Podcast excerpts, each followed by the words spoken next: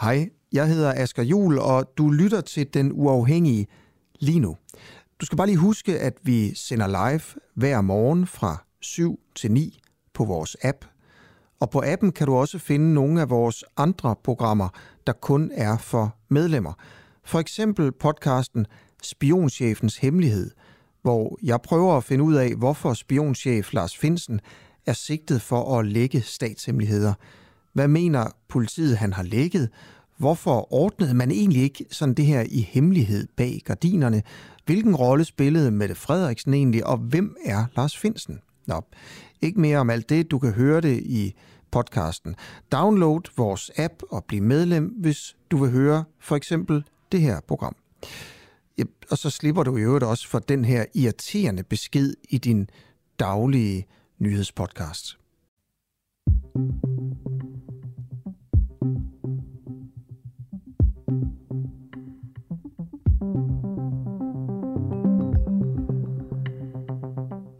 Velkommen til en uafhængig morgen med Camilla Boraki.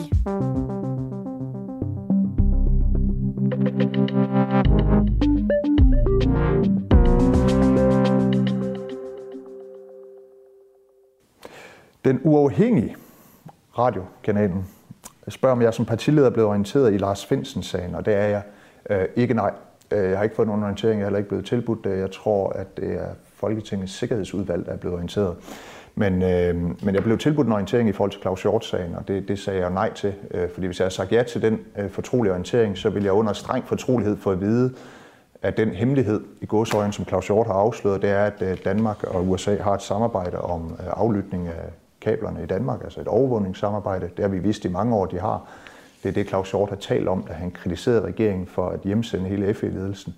Og jeg vil gerne kunne stå i en position, hvor jeg frit kan kritisere regeringen for deres øh, vanvittige håndtering af FE-sagen og deres øh, dårlige beslutning om at sigte Claus Hjort. Og det vil jeg, jeg vil ikke kunne tale med i den debat, hvis det var sådan, at jeg tog imod en orientering, hvor jeg under fortrolighed kunne få noget at vide, jeg allerede vidste, men jeg så efterfølgende ikke måtte sige, at jeg vidste. Det synes jeg er en, øh, en mageløs måde at behandle Folketinget. Det her, det var uh, Alex Vanopslag, formand i uh, Liberal Alliance. Og det var sådan her, han svarede uh, os på den uafhængige det spørgsmål, vi stillede på en livestream, som han lavede i går. Og øh, det har i efterhånden et stykke tid været en mission for os her på den uafhængige at finde ud af, hvem der i Folketinget er blevet orienteret om, hvad Lars Finsen, altså spionchefen, helt specifikt er sigtet for. Og ud fra hvad øh, Alex van Opslag siger, så er den opsigtsvækkende formodning fra ham, at Sikkerhedsudvalget, altså Folketingets Sikkerhedsudvalg, er blevet det. Sikkerhedsudvalget det består af øh, statsministeren, som er formand, finansministeren, udenrigsministeren, justitsministeren og forsvarsministeren. Og øh, lyt med senere, nærmere bestemt kvart i 8, hvor vi taler med Peter Viggo Jacobsen fra Forsvarsakademiet om, hvorvidt han mener, at øh, det er korrekt, at Sikkerhedsudvalget er blevet orienteret om Lars Finsen. Ellers så øh, kan du også høre klokken 5 minutter over 8 et øh, klip med denne her dansk-Ukraine-kriger, som, øh, som vi har haft øh, ret meget med at gøre her på Den Uafhængige. Ham, som vi kalder for Jonas. Øhm, du kan høre en bid fra øh, et interview, som vores journalist Clara Vind har lavet med Jonas, og jeg tænker, at jeg også lige spiller en lille teaser fra det interview. Har du fået tilbud om at tage nogen og sådan komme tilbage? Ja, der gik en meddelelse rundt fra Azov-bataljonen med, at øh, de vil gerne have udlændinge. Jeg så sådan noget med, at de havde smurt, smurt uh, svinefedt på deres patroner. Ja, det var også nogen, der gjorde, der var jeg var. Gjorde de også det der? Ja. Hvad synes du om det? Det er fint. Det er fint. Det er åbenbart øh, ret normalt at smøre altså kugler ind i svinefedt. Så når man skyder på folk, så får de svinefedt ind i kroppen. Nå, hør mere om, øh, om det klokken 5 minutter over 8. Øhm, så stiller jeg spørgsmålet, oplever de øvrige lande et politisk pres som følge af deltagelsen i forsvarssamarbejdet? Og det spørgsmål stiller jeg, fordi vi jo i morgen skal stemme om EU's forsvarssamarbejde, og en af nej-sigernes argumenter for at bevare forbeholdet, det er, at der fra de øvrige EU-lande vil være et politisk pres om deltagelse i EU's militære missioner. Det er jo sådan, at øh, vi har vetoret i forsvarssamarbejdet, eller de har, Øhm, men, øh, men spørgsmålet er, om vi frit kan bruge den vetoret. Om vi kan sige nej til det hele, eller om der foreligger et politisk pres, eller måske ligefrem et politisk krav om, at der er nogle af missionerne, som vi bliver nødt til at deltage i. Tidligere forsvarsminister Trine Bremsen, hun har jo øh, tidligere sagt sådan her. Altså, der er jo også krav om, at hvis man øh, er med øh, helt inde i kernen af, af det europæiske forsvarssamarbejde, så skal man jo stille med soldater øh, til også de europæiske missioner. Og vi har jo længe prøvet at finde ud af, om det Trine Bremsen siger her er rigtigt, fordi det bliver afvist af for eksempel Mette Frederiksen og også Rasmus Stoklund, politisk ordfører i Socialdemokratiet. Så derfor så tænkte vi, faktisk på opfordring af, af jer lyttere, lad os spørge nogle af dem, som sidder i forsvarssamarbejdet lige nu. Øhm, og derfor så talte jeg i går med militæranalytiker ved International Center for øh, Defense and Security i Estland. Øh, han hedder Kalef Stoisekjo. Øhm, og jeg talte om, om de, som et land, der deltager i forsvarssamarbejdet, har oplevet nogle former for pres fra de andre EU-lande om at skulle deltage i nogle øh, militære missioner. What uh, includes participation with military in in military operations or in mixed operations. I think there is one or two. There are military and civilian operations by the EU. Then I think that yes, countries can be asked to contribute personnel or equipment or both. And um, Estonia has participated, for instance, in the EU training mission in Mali and, and, others. So, or in the Atalanta operation, counter piracy in the Indian Ocean, we didn't participate with uh, Navy vessels. It would be too costly, and we don't have ocean going vessels just for the Baltic Sea are suitable. Um, but we participated with uh, trained teams on board German and French uh, frigates, for instance. There are multiple, uh, and then we have got a very good experience from this. Uh, the military are actually um, happy with these missions. And what about your population? Uh, are they happy with the missions? Or do they feel like they have lost control over your military with these EU missions? No, there is no such worry that to lose control. Uh, civil control of the military is there in all our countries, I suppose, that are members of the EU and NATO. Otherwise, we won't be democratic countries if we lose control over our military. But again, uh, it's a question of the politicians to agree uh, with participation in uh, military operations, including the EU, which Estonia has done happily. But also, it is important for the politicians to understand whether the military also have a motivation to participate there. They gain experience and so on. Uh, which is necessary for in the military profession and business and and uh, in our case they are happy uh, with the experience they gain not only uh, their activities on the ground, but also cooperation with other allies. That is a very important uh, matter that you become interoperable with other allies and you learn from this. And we think that both NATO and the EU contexts are useful. Det er jo meget interessant perspektiv, det her. Øhm, det har man jo ikke snakket så meget om. Det er måske, fordi det er, det er ganske indlysende, men at øh, det estiske militær er rigtig glade for de her missioner, fordi det også, øh, altså, hvad skal man sige, øger deres kompetencer, gør dem endnu bedre, og det vil vel måske også være tilfældet med det danske militær. Det skal så siges, det kan man jo også gøre i andre sammenhænge, for eksempel i NATO-sammenhænge. Øhm, men det, som han også sagde til mig, øh, ham her, Kalef øh, Stoisekju, øh, øhm, det var, at man, altså, man bliver nødt til at sige ja en gang imellem. Man kan ikke bare sidde og sige nej, nej, nej. Altså, det, det sagde han som om, det var helt indlysende, at når man er med i et samarbejde, så, øh, så ligger der også et eller andet implicit øh, krav om, at man, man simpelthen skal deltage i, i nogle af tingene, fordi ellers giver det ikke mening at, at være med. Så, så på en eller anden måde, så, ja, så bekræfter han Trine Bremsen, i hvert fald øh, et, et stykke hen ad vejen. Øhm, i kan høre anden del af, af det interview, som jeg lavede med ham øh, klokken 8. Og så kan jeg måske lige sige godmorgen. Jeg synes, der er mange, der har skrevet godmorgen til mig i dag. Det er faktisk dejligt. Jeg har sådan en lidt, lidt tung morgen måske. Øhm, men Susanne Kellerup siger godmorgen. Kim Dahl siger godmorgen. Sten Lilja Hansen siger godmorgen. Kate Jørgensen siger godmorgen. Og Jane Eskilsen siger godmorgen, og det gør Kirsten Emilie Kjær Sørensen også. Og godmorgen til jer. Dejligt, at øh, I lytter med. Skriv gerne ind hele dagen. Altså, det er jo dagen før, vi skal øh, til stemmeurnerne. Jeg sidder og ved stadig ikke, hvad jeg skal stemme. Det er egentlig ikke så godt, at jeg ikke er kommet tættere på det. Det kan være, at I skal prøve at skrive jeres øh, bedste argument for, hvorfor I stemmer, som, øh, som I gør. I kan skrive det inde i Facebook-tråden eller på en sms, hvor I øh, skriver DUAH, et mellemrum og din øh, besked til 1245.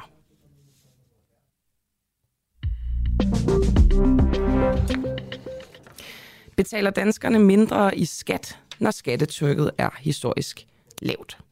Socialdemokratiets folketingsmedlem og formand for Finansudvalget, Jens Jol, han jubler over, at skattetrykket er historisk lavt. Måske skal jeg lige læse op, fordi det var, det var kæmpe jubelscene inde på, øh, på Jens Jols Twitter-konto. Han skriver, Nå for pokker, skattetrykket falder, og er ikke set lavere siden Poul Slytter var ny statsminister.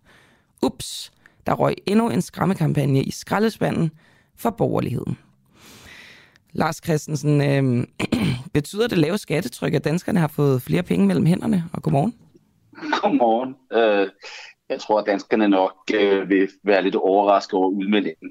Altså, det er jo, man kan sige faktuelt korrekt, at den måde, man definerer skattetrykket på, så falder det sandsynligvis i år i forhold til sidste år. Men øh, det er definitionen, der måske øh, lige ændrer lidt på historien. Men hvad, altså, hvad er skattetrykket, kunne man så spørge? Jamen, skattetrykket er målt øh, på den måde, som Finansministeriet gør det, simpelthen ved at sige, hvor mange penge kommer der ind i statskassen i skatter, øh, moms og indkomstskat og andre skatter, i forhold til, hvor stor BNP er, hvor stor den danske økonomi er. Ja. Og, øh, og det, der er det springende punkt her, det er jo, at der, skattetrykket kan jo ændre sig på flere måder. Det kan være, fordi man sætter, lad os sige, vi satte momsen ned fra 25 til 22 procent, så er vi jo lettet skattetrykket. Men det andet, der kan ske, det er jo, at der kommer færre eller flere penge ind. For eksempel, hvis det går dårligt i økonomien, eller som det er tilfældet, det går dårligt på aktiemarkedet, at der så kommer flere, færre skatteindtægter ind. Og en af de ting, der er sket her, det er, at de såkaldte palskatter, de falder meget kraftigt. Palskatten, Ja, hvad er det? palskatten er den måde, som vi beskatter pensionsopsparing på. Så vi har jo alle sammen pensionsopsparing via vores arbejdsgiver, vi indbetaler til nogle pensioner, og det afkaster løbende af det, det beskatter staten med den såkaldte palskat. Og øh, for dem, der følger aktiemarkedet, så ved vi jo, at det sidste halve års tid, så er aktiemarkederne, både i Danmark og globalt, faldet ganske voldsomt. Og det betyder, at statens indtægter fra palskatten også falder ganske voldsomt. Og det er en af hovedårsagerne til, at der er færre penge i kassen, og derfor så er skatteindtægterne noget lavere, givetvis omkring 100 milliarder lavere end sidste år. Og øh, da BNP samtidig er vokset, ikke nødvendigvis for økonomien er vokset, men faktisk fordi at vi har haft meget inflation, så falder skattetrykket sådan rent definitorisk. Men hverken inflationen eller de faldende aktier er jo udtryk for, at man aktivt har sat skatterne ned. Og derfor så er det lidt underligt at juble over, at aktierne falder, øh, renterne stiger. Det er sådan en anden ting. Det er rentefradrags værdi stiger, fordi vi alle sammen skal betale mere renter på vores realkreditlån, fordi renterne er stigende. Og så kan vi jo så at sige få en større skatteværdi af det, men det er jo heller ikke udtryk for, at skatterne er sat ned.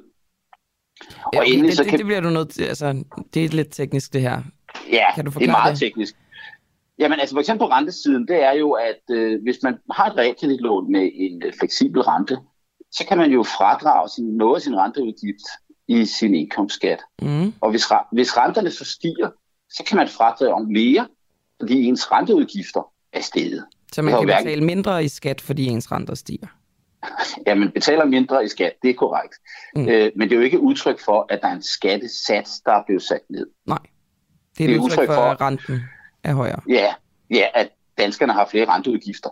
Øh, som jeg sige, skattetrykket afspejler altså, at vi har flere renteudgifter, at vores øh, aktieindtægter falder på vores pensionsopsparing. Øh, og så det, det andet, der er sket, det var jo, at øh, som lytterne måske husker, så fik øh, mange jo udbetalt ekstraordinært øh, store feriepenge sidste år, som øh, en del af skal man sige, de der coronastøttepakker. Og når man fik udbetalt den ferie, øh, hvad hedder det, de feriepenge, så blev det jo beskattet. Så der var jo ekstraordinært mange penge i statskassen sidste år, som ikke kommer ind i år. Og øh, fordi vi betalte ekstra meget skat sidste år, er ikke udtryk for, at skatterne er blevet faldet i år. Nej. Øh, så, så man kan sige, at alt det her, det er drevet af noget teknisk, og det meste af det handler faktisk om, at danskerne har færre penge, både på deres opsparing og på deres løbende indkomst, end for et år siden. Og derfor så betaler, man kan sige, derfor betaler de mindre i skat. Øh, så jeg ved ikke, om der er nogle de, danskere, de betaler der mindre i skat, men, men mere til andre ting, eller de, de, de taber penge på andre områder, så at sige. Ja, de, Eller vi ja, de, de, de, vi betaler alle sammen mindre i skat, fordi vi er dårligere stillet. Ja. Ikke, fordi, at skatte, ikke fordi skattesatserne er, nede, er sat ned. Det er jo ikke sådan, at øh, øh, regeringen har sagt, at nu skal vi betale mindre på vores pensionsopsparing. Nu sætter vi skattesatsen ned. Nej, det er fordi aktien er styrtdykket. Så, Øh. så hvis vi opsummerer, nu kan du rette mig, hvis jeg tager fejl, ikke? Øhm, BNP'et er blevet mindre værd på grund af inflationen, og skattetrykket måles imellem det, som øh, staten får ind i skatter, målt op imod BNP'et. Ja, og BNP er faktisk steget. Ikke? Så hvis du dividerer alle skatte, så tager skattesatserne, dividerer med BNP. Når BNP stiger, så falder skattetrykket også. Klart. Øh, og øh, BNP er steget, ikke fordi den økonomiske vækst er højere, men fordi inflationen er højere. Så ja, så, så der er ikke så meget at juble over. Øh, vi havde nogle, så, så, så, og, og der er ikke noget af det, og jeg synes det vigtige i det er, at det Jens Jol gør, det er jo at mislede, eller øh, øh, jeg ved ikke, om det er bevidst, eller om det er ubevidst. Nej, det er det, jeg men, sidder og men, tænker. Altså, han er formand for Finansudvalget. Man bør antage, Han bør... at han, øh, han forstår det her, ikke? Men mindre, Jo, at det han jo- simpelthen bare har altså, trykket på knapperne lidt for hurtigt, for det lyder jo godt, umiddelbart. Lavere Ja, skattetryk, jo, ej, det lyder hvis- lækkert, ikke? Jo, Øhm, men det, jeg, jeg synes også, det er vigtigt at sige her, at Finansministeriet begår ikke nogen fejl. Altså, øh, det, det handler om Finansministeriets prognose for skattetrykket i år i forhold til sidste år. Nu er det jo altså kun en prognose, vi er kun halvt igennem året, så meget kan ændre sig. Men, men, men, men skatte, eller Finansministeriet er jo fuldstændig klar over, hvorfor skattetrykket falder, og det er jo ikke sådan, at skatte, eller Finansministeriet har udsendt en pressemeddelelse, hvor der står, se her, hvor går det godt, mm. skattetrykket er faldet. Det er Jens Jol, formanden for Finansudvalget, der laver den tolkning af det, at det her det er skønt. Øh, men men der, der er sådan set ikke, men det er jo netop ikke udtryk for, at nogle skatter eller skattesatser er sat ned. og Det Lars, er rent øhm, teknisk. Lars, altså, nu, nu, øh, nu ved jeg ikke, om jeg skyder dig noget i skoene, men altså, jeg tænker, du er sådan, øh, hvis man skal give dig en farve, så er du jo nok lidt blå. Er det her sådan noget, som på en eller anden måde også kan være op til fortolkning? Nej, Nej, det lyder Øh, egentlig heller ikke sådan. nej, det er... Øh, jeg er sådan set ligeglad om, det er den ene eller anden side af Folketinget, der har regeringsmagten. Men det, der er afgørende for mig som økonom, det er, at øh, 2 plus 2 er 4. Og at de ikke prøver at fortælle nogen, at det er 5 eller at det er 3. Og øh, det Jens Jol gør her, og jeg skal understrege, det er ikke finansminister øh, Nikolaj Vammen, der gør det, eller Finansministeriet. Det er alene øh, øh, Jens Jols, formanden for Finansudvalget i Folketinget, som laver en udlægning, som slet, slet ikke holder vand. Øh, det er vel det, vi kunne kalde ugens bullshit. Okay. Ugens bullshit, ja ja. Øhm, at det her, øh, altså, man kan sige, det er jo selvfølgelig, det er ikke sådan helt fint i kanten af Jens Jol, han gør der. Det, man ser jo i virkeligheden også en lille smule dum ud. Det ligner jo, at han har misforstået noget. Øh, men er det sådan et, et større problem end det? Altså, det, det har vel ikke nogen betydning som sådan, at, øh, at lave den her vurdering? Eller at han laver den her vurdering? Det er, Nej, det er altså, vel, som jeg- det er. jeg- Det er vel bare markedets bevægelser på en eller anden måde, ikke? Ja, man kan jo sige, altså, at der er jo ikke noget... Heldigvis ved Finansministeriet godt det her. Heldigvis ved øh, Finansminister Nikolaj Vammen det her også øh, ganske godt. Så, så, så jeg er jo ikke bekymret for, at landets økonomi kuser eller på det her. Men det handler jo om, at vi har nogle politikere, særligt når man taler om formand for Folketingets Finansudvalg, Mm. der øh, er relativt sandrolige i forhold til at kommunikere om, hvordan dansk, hvordan dansk økonomi har det, hvordan de offentlige finanser har det, når man taler med befolkningen. Han efterlader jo et indtryk af, at skatterne er sat ned, og det er de ikke. Øh, og, og, og så kan man mene, om skatterne skal sættes ned eller ej. Det, er- det, det er et politisk spørgsmål. Men, men, men fakta er jo ikke et politisk spørgsmål. Nej, det er korrekt. Lars Christensen, du er øh, uafhængig økonom og tidligere embedsmand og bankøkonom. Tak fordi du var med. Det var en fornøjelse. God dag.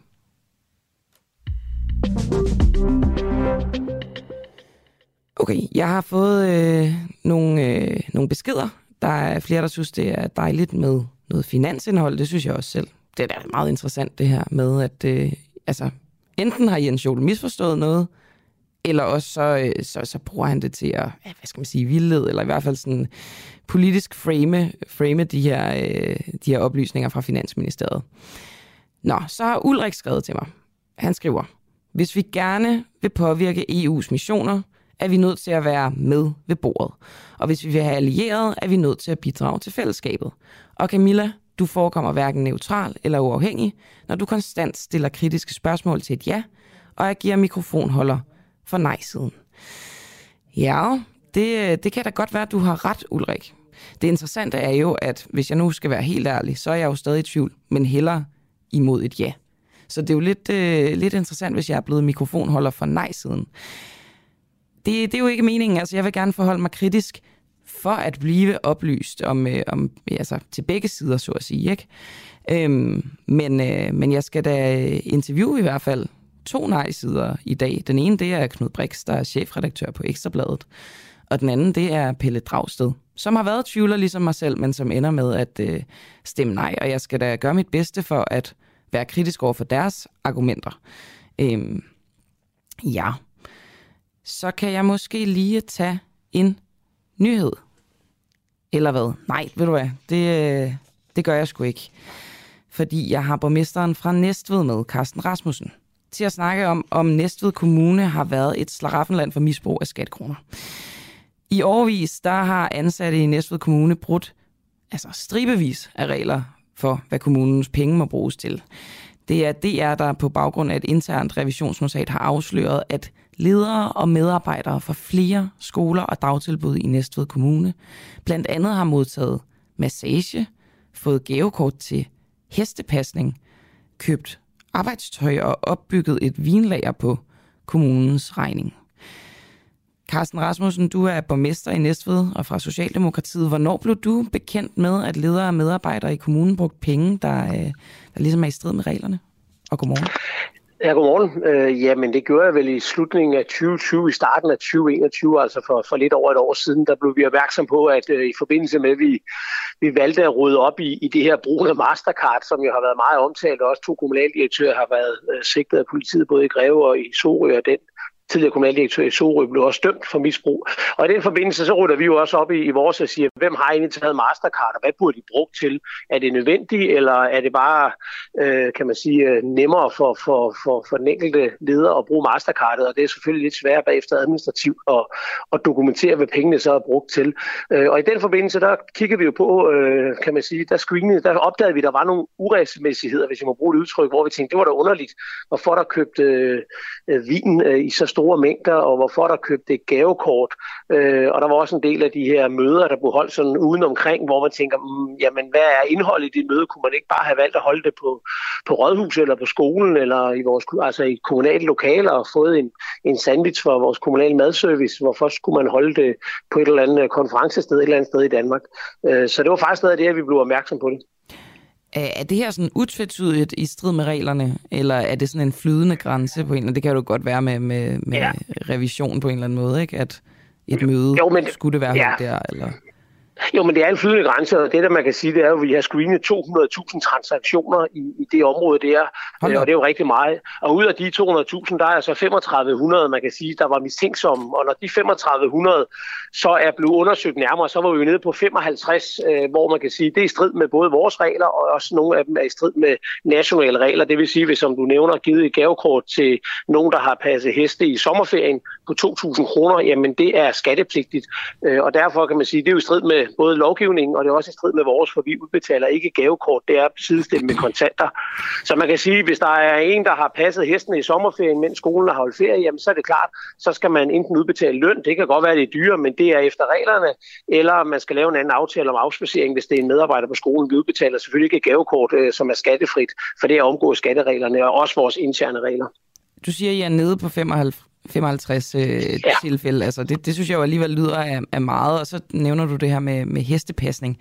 Altså, det synes jeg jo lyder øh, en, en, en, som en lidt skør ting. Altså en, en ting, der måske er sådan svær at forsvare, måske også sværere end at holde møder et eller andet sted. Men, men hvad er det skøreste, som der er blevet øh, brugt penge på i strid med reglerne? Jamen det skøreste er det tilfælde af massage. Det kunne lov kun ske én gang, men det er klart, det er jo helt øh, uh, hænge i skoven, og jeg er dybt rystet over, at en leder tager et par medarbejdere med til, uh, ja, det burde betragtes som et belønningsarrangement. Det vil sige, at nogle uh, ledere har lavet noget ekstra, og så siger man, jamen så kommer I ud og spiser en god middag, og i forbindelse med det, så er der så noget massage med i, i det tilbud, uh, ansigtsmassage eller hvad der har været. Og, og det er jo, jeg kan slet ikke forstå, at man kan få den tankegang, at, at skatteyderne skal betale for massage. Det, hvis man ønsker det, så er det helt fuldstændig privat og kan aldrig nogensinde være en del af en kommunal udgift. Øh, så det er nok øh, det skøreste. Du siger øh, ansigtsmassage. Var det ansigtsmassage? Ja. Ja, det ved jeg ikke. Altså, jeg forestiller mig ikke, det er sådan en uh, hel kropsmassage, hvis man ligger der som medarbejder. Det, det har jeg svært ved at forestille mig. Jeg kan ikke afvise det. Men, men I ved men, det ikke? Altså, det er ikke noget, der... Nej, altså, er det ikke specifikt, der, hvor det var, eller nej, hvad det kostede? Jo, jo det er foregået et sted i, på Lolland. Der er en, en eller anden restaurant, som man så kan få en træretters menu. Og det var selvfølgelig det, jeg undret sig over, for man har været på, på Lolland. Øh, og, det er for, og det er jo klart, hvis der er noget ansigtsmassage med, eller fodmassage, eller hvad det har været, så er det selvfølgelig dyrere, end, end, end hvis man bare, han er sagt, får en, en, en, en hurtig arbejdsfrokost. Og der må man sige, det er lige nøjagtigt det konkrete tilfælde der er selvfølgelig også blev pålagt, at vedkommende skulle betale penge tilbage for cirka 8 måneder siden, da det blev opdaget. Ej, Men det gør jo ikke, at... Undskyld, ja. Carsten Rasmussen, det, det kan godt være, at jeg, jeg bliver for meget ved det her, men ja. altså, er, det, er der en medarbejder, som har været til en middag med nogle andre medarbejdere, og så den medarbejder fået ansigtsmassage til middagen? Ja, eller bagefter, det ved jeg altså ikke. Altså, okay. vi kan bare se, at uh, på regningen, det bilag, vi finder, det er, der står et eller andet med en to-retters eller tre-retters menu, inklusiv massage. Uh, og det er for tre medarbejdere. Og så spørger vores uh, selvfølgelig interne controller, hvad, hvordan kan man det? Og der må den pågældende leder så sige, jamen det var jo sådan en del af et belønningsarrangement. Vi havde gjort en særlig indsats øh, under corona, eller hvad det var, og så har man så valgt at, at give lidt mere. Og der må man bare sige, det er helt hen i skoven. I, nu er det gudskelov kun et tilfælde, øh, og derfor kan man sige, at vedkommende selvfølgelig får at vide, at vedkommende det skal betale, vedkommende skal betale penge tilbage.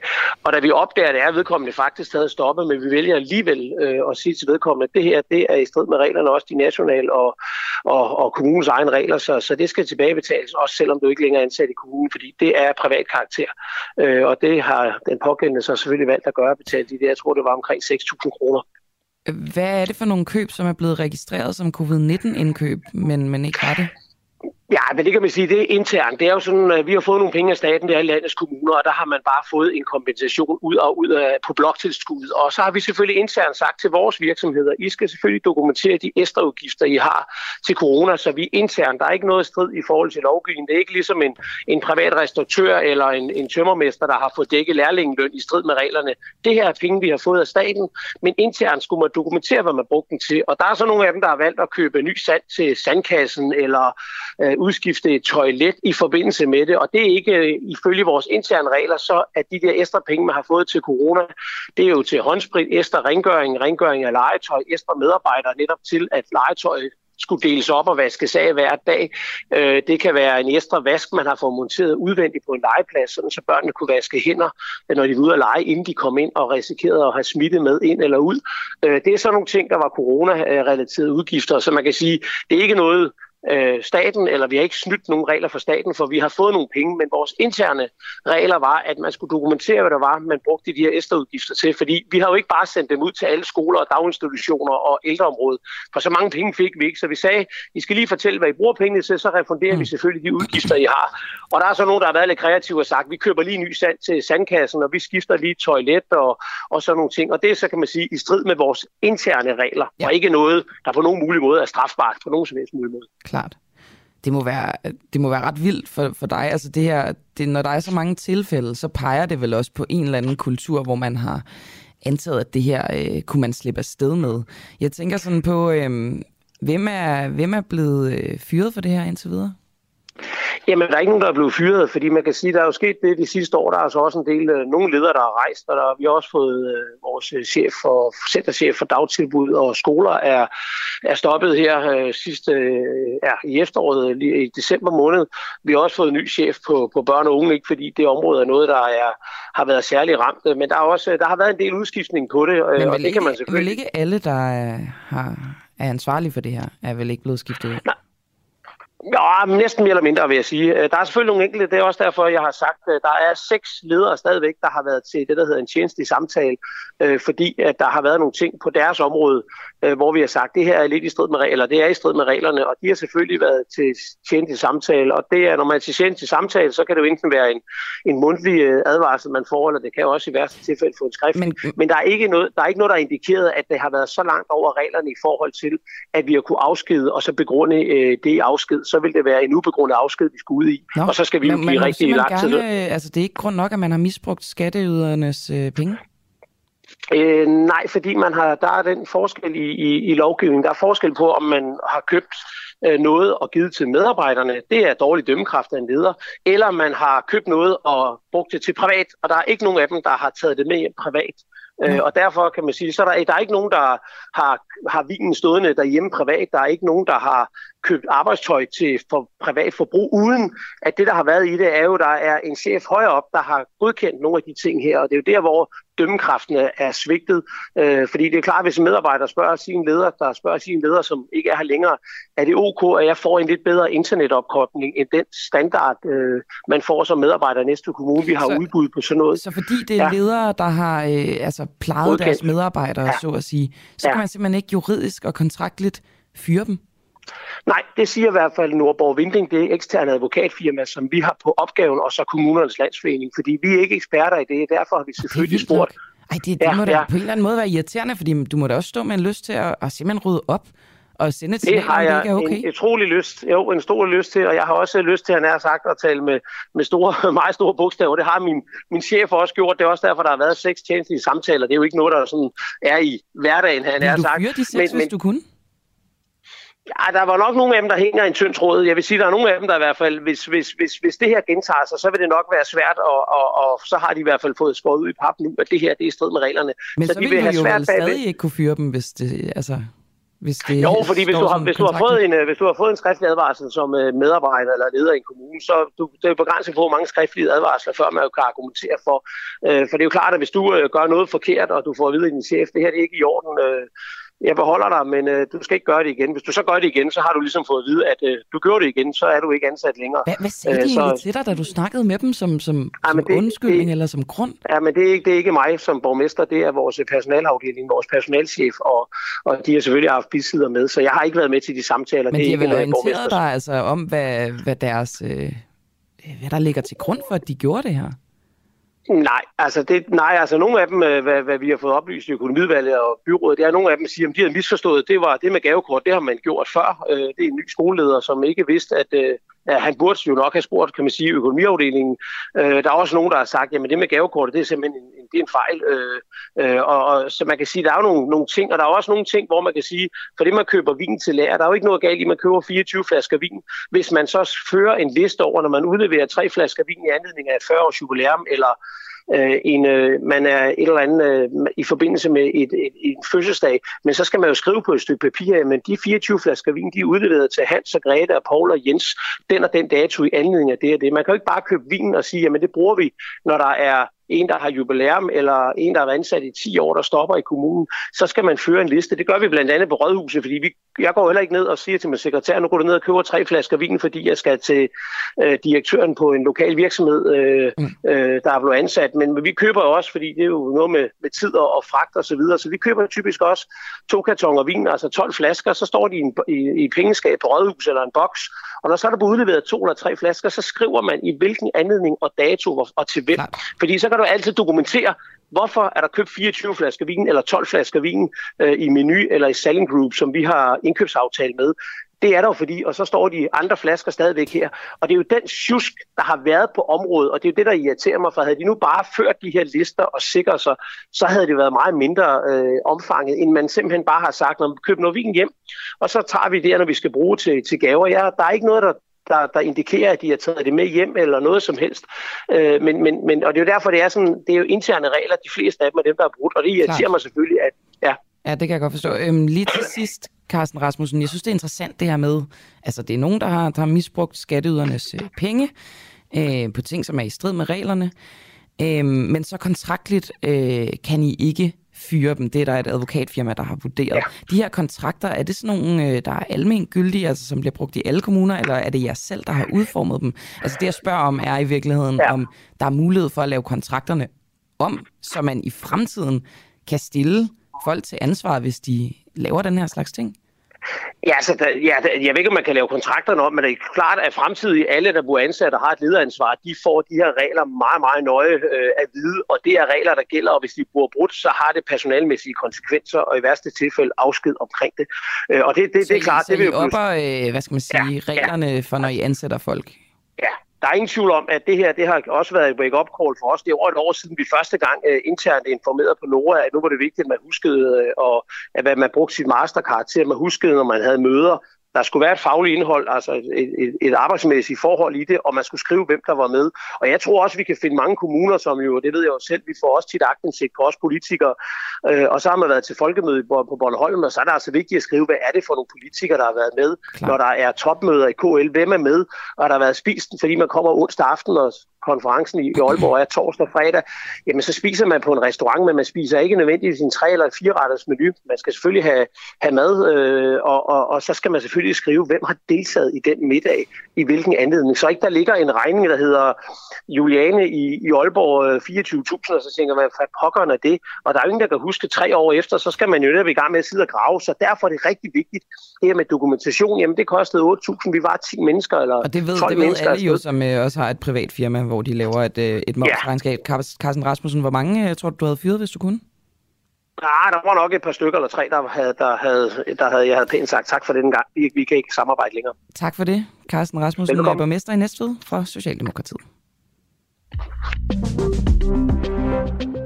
Ja, det er altså en vild sag. Middag og, og massage, det er altså ikke et øh, koncept, jeg nogensinde har stødt på. Øhm. Nå, jeg har fået nogle, øh, nogle beskeder ind. Øh, det er Andreas Røn, der skriver... Øh, jeg tror lige, vi skal have vores hjemlige forsvar til at spille, inden vi blander os i fransk kolonisering af Afrika. Så nej med store bogstaver herfra, skriver Andreas Røn altså. Øh, med henvisning til de her øh, missioner, som, øh, som EU jo har øh, nede og omkring Afrika. Så, øh, så skriver Kåre Hansen i forhold til det her med Næstved Kommune. Hold nu kæft med det kommunale plat ud med ham. Det offentlige sviner med penge, uanset hvad. Jeg er ikke sikker på, at det her er, altså, øh, hvad skal man sige, altså, at der simpelthen er grund nok til, at, øh, at borgmesteren bliver, øh, bliver afskedet. Øhm, men altså, så skriver Anders Birgit Lausen, havde det været en privat virksomhed, var man røget ud på røv og albuer. Det er jo sådan set nok rigtigt nok. Knud Brix, øh, stemmer du stadig nej i morgen? Det gør, det gør jeg da, og godmorgen. Godmorgen. Hvorfor gør du det? Jamen, øh, jeg stemmer nej, og jeg anbefaler nej for Ekstrabladet, øh, hvor jeg jo er redaktør. Og, øh, det, ja, og det gør vi, fordi at, øh, der er egentlig flere årsager. Dels fordi vi synes, at det er rimelig forløjet, det her med, at vi skal stemme lige nu. Den eneste reelle årsag er jo, at politikerne tror, at fordi der er krig i Ukraine, og følelserne er virvlet op, så kan man presse det her igennem. Øh, Så du kan sige, det er bagtæppet. Derudover så synes vi, at, øh, synes jeg, at det som, øh, kan du sige, vi har øh, med forbeholdet, sådan set har tjent øh, Danmark ganske glimrende. Og øh, det er ret begrænset, hvad det er, vi ikke kan være med til. Derfor synes Hvordan, vi, øh, vi hvordan har det tjent øh, Danmark glimrende? Kan du give et øh, konkret eksempel på, hvor vi er blevet reddet med det her forbehold? Det er jo ikke sådan, at forbeholdet redder os, men det har jo sørget for, at øh, vi ligesom holder den del hjemme og har kunne fokusere på NATO, som øh, jeg jo synes er en, en bedre beskyttelse end det, som der er lige en lille baby her, der Ja, det er helt som er øhm, men øh, som, jo, som jo tjener os som til langt bedre som, kan du sige, beskyttelse, øh, end EU gør, fordi at øh, EU ikke kan blive ret enige om ret meget på forsvarsområdet. Og de øh, missioner, der har været, øh, har jo ikke været særlig imponerende, hvis du spørger mig. Og dem, der er lagt op til, øh, er heller ikke særlig imponerende i forhold til, øh, at det jo et eller andet sted er Frankrig, der som gammel kolo- kolonimagt ønsker, at vi skal mose rundt nede i Afrika, i Mozambique eller Ouagadougou, øh, eller Det kan vi Mali. jo bare eller lade hvor... være med, kan man sige. Ja, præcis. Og hvorfor skulle vi så være med? Men Så kan det være, at der er nogle Øh, andre missioner, altså ved Baltikum for eksempel. Det kan være, Ja, at vi skal oprette nogle helt nye missioner, som, øh, som kan bidrage til vores sikkerhed. Og de fleste af de steder, hvor EU har været til stede, har vi jo været alligevel. Men, men jo Øh, ikke jeg mener, sammen med EU. Altså man kan sige, det vil Nej, vel også præcis. styrke Og det- os, at vi kan samarbejde med alle dem, som er i forsvarssamarbejdet, som er på de her missioner. Ja, ja, det er man da velkommen til at mene. Jeg synes øh, ikke, at det på nogen måde øh, er gavnligt for Danmark at, at sidde med der. Der er nogle beslutninger, hvor man kan sige, så skal vi sidde udenfor, men hvad er det egentlig for nogle beslutninger, der bliver truffet? Altså, det er lidt morsomt, at de samme politikere, der nu anbefaler, at ja, de for 5-6 måneder siden sagde, at der er ikke noget substantielt, som vi går glip af ved vores forbehold. Men det er der så nu, og det eneste forskel, der er, det er, at der er krig i Ukraine. Og der vil EU's øh, hvad, hvad, hvad hedder det, forsvarssamarbejde ikke have gjort nogen som helst forskel. Så, øh, Jeg synes, så det, det er altså, interessant det her med, det, når du siger, øh, hvordan forsvarsforbeholdet ligesom har gavnet os, så henviser du til, at vi har kunne fokusere på NATO. Men det er jo ja. først for ganske nylig, at vi ligesom har besluttet os for at opfylde det her krav med at bidrage med 2% af vores BNP til NATO. Ja, det- det... Så det kan vel ikke have været forbeholdet. Der... Jo da, selvfølgelig. Altså, men, men det har vi jo først det det besluttet politi- nu, så, så hvis du Nej, siger, nej, at vi på grund af da været forsvarsforbeholdet... Vi har da været... Jamen, vi Det har jo ikke opfyldt kravet om 2%, vel? Og du siger Nej, ligesom, nej, at og forsvarsforbeholdet har gjort, at vi har kunne... Ja, præcis, men så betyder det jo ikke, at forbeholdet har gjort, at vi kunne fokusere på NATO. Nej, jeg siger da ikke, jeg har overhovedet ikke sagt, at forbeholdet betyder, at vi har brugt flere penge på NATO. Men Mm. man, man fokuserer på, hvor det, er jo, der er jo et begrænset antal danske soldater, som altså for eksempel har NATO jo bedt os om at spille, stille med en bataljon. Det har vi jo ikke kunnet. Hvis vi så også skal have soldater standby til EU's underlige missioner, så er det klart, at det trækker veksler på forsvaret. Når vi ikke engang kan stille med det, vi skal til NATO, hvorfor skal vi så begynde at rode rundt øh, med, med EU-missioner? Altså, men, men det her med de 2 procent, det må du jo snakke med politikerne om. Det er jo ikke mig, der ikke har levet op til NATO's øh, krav. Det er, jo, det er jo de danske politikere. Og når vi ikke engang har kunnet leve op til det, eller det må så først besluttet nu, hvorfor skal vi så bruge penge oven i hatten på EU? Så jeg skal Altså, bare lige der er jo- der er forstå dig ret, Knud Brix. Altså, du, øh, du mener, eller det kan vi måske se, det her med, at vi har simpelthen ikke militær kapacitet, altså soldater Det er nok en af tingene. Det er til en af tingene. både at deltage i NATO-missioner og at deltage i, øh, i EU-missioner. Jamen, det er jo ikke noget, jeg mener. Det er jo et faktum, at øh, NATO har bedt os om at stille med en bataljon. Det har vi ikke kunnet. Altså, vi skulle have haft 1000 mand øh, ude, og det har vi lovet. Det har vi ikke kunnet. Øh, du må ikke hænge mig op på det eksakte tal, men det er det omfang. De har bedt os stille med en, med en bataljon. Det har vi ikke kunnet. Hvis vi så også skulle have en styrke, der skal være standby til, øhm, øh, til, til EU, så er det klart, at det også trækker veksler. Men så er det vel i virkeligheden bare en vurdering af, hvilke missioner er det NATO-missionerne, eller er det EU-missionerne, som vil være mest gavnlige for Danmark? Det er vel Ja, bare det det, politikerne skal, skal vurdere. Det er da, nej, det er det ikke. Øh, der er der masser, der er, der er da også legitimt nok at sige, at man synes, man ønsker at sende et signal om, at vi skal være tæt på hjertet af EU. Det er jo også en del af det. Det har bare ikke så meget med det, vi stemmer om at gøre. Men det er jo noget af det, som jeg fløjen siger. Jeg synes, jeg synes, det har været sådan lidt beskæmmende et eller andet sted, at, øh, at nej-fløjen har været så svag altså, øh, i deres argumentation. Der har været en masse tvivlere, som ser ud som om, de hælder over til ja-siden. Ikke? Mm. Øh, så et eller andet sted synes jeg måske, at nej-kampagnen har været sådan lidt, hvad fanden har de egentlig haft kørende for sig? Eller også har ja-siden bare ret.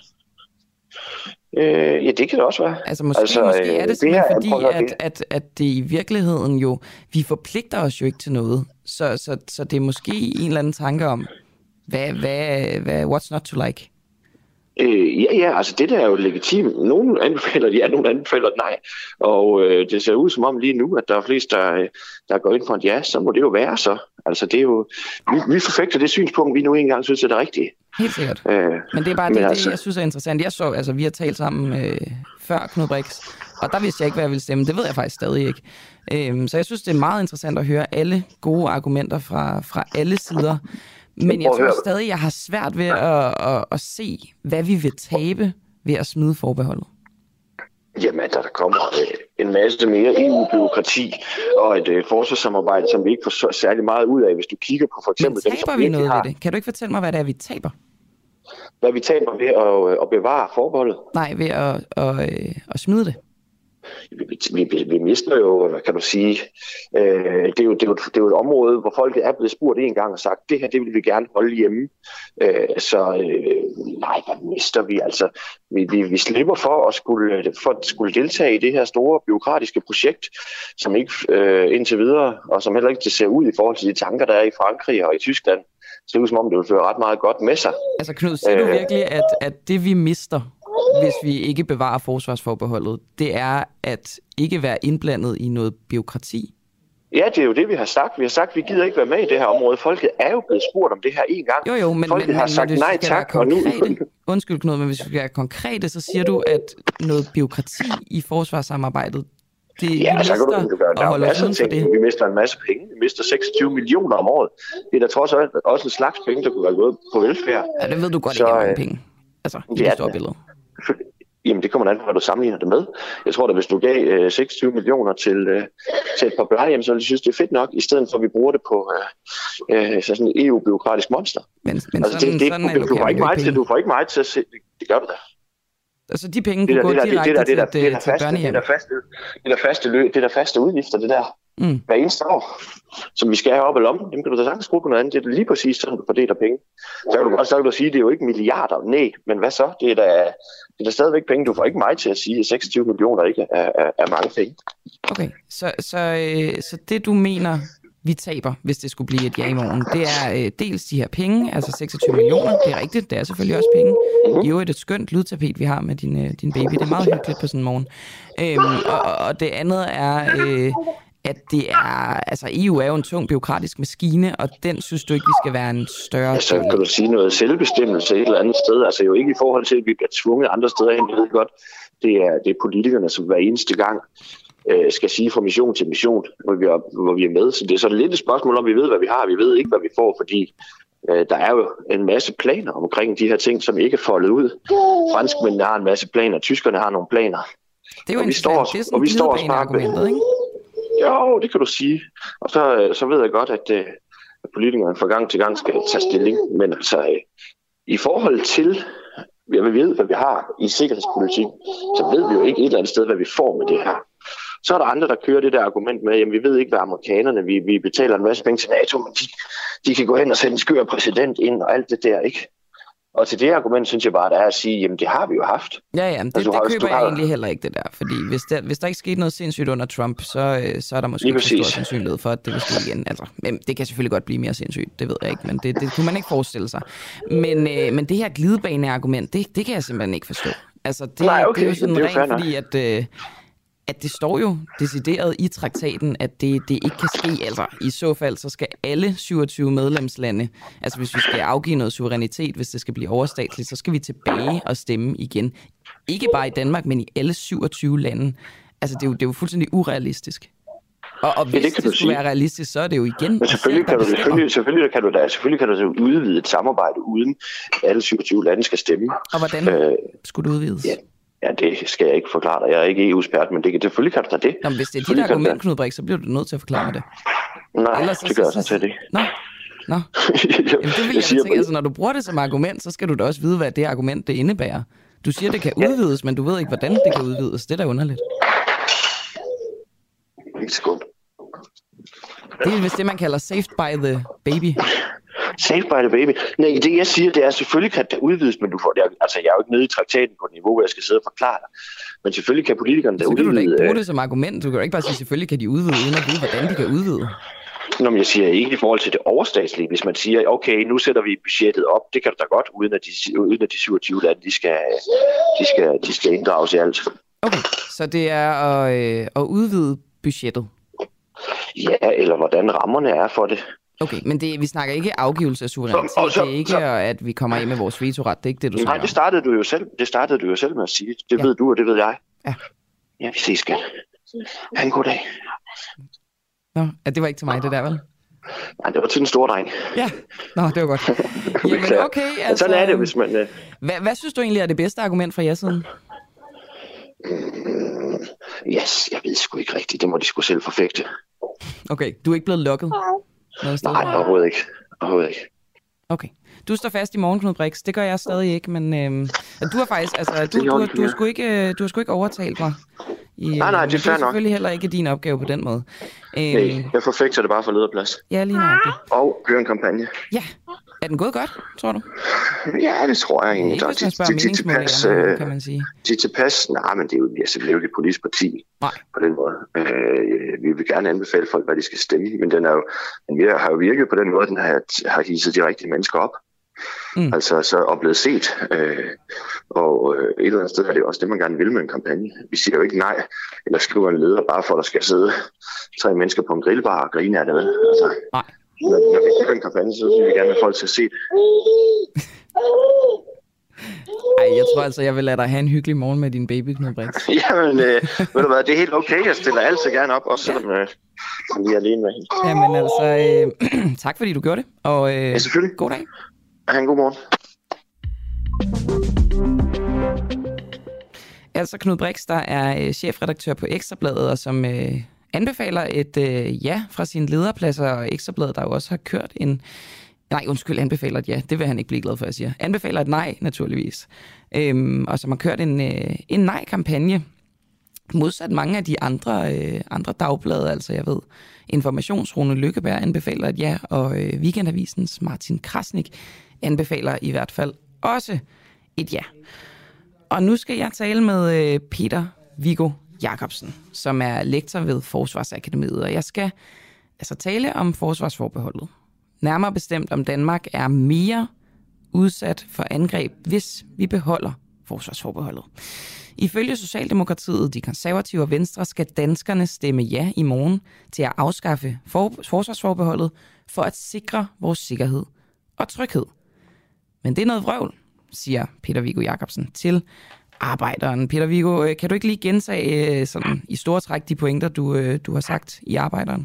og godmorgen. Ja, nu er, det, nu er det jo godt nok så længe siden, jeg lavede det interview, jeg faktisk ikke kan huske det, men jeg tror nok, at pointen var, at øh, EU beskæftiger sig ikke med territorialforsvar. Det vil altså sige det her med, at hvis der er et, et, hvad, en, en magt, der kommer udefra og angriber et EU-land, øh, så skal man ikke regne med, at EU kommer rende og forsvare det. Det har vi nemlig en anden organisation, der, hedder, der laver, der hedder NATO.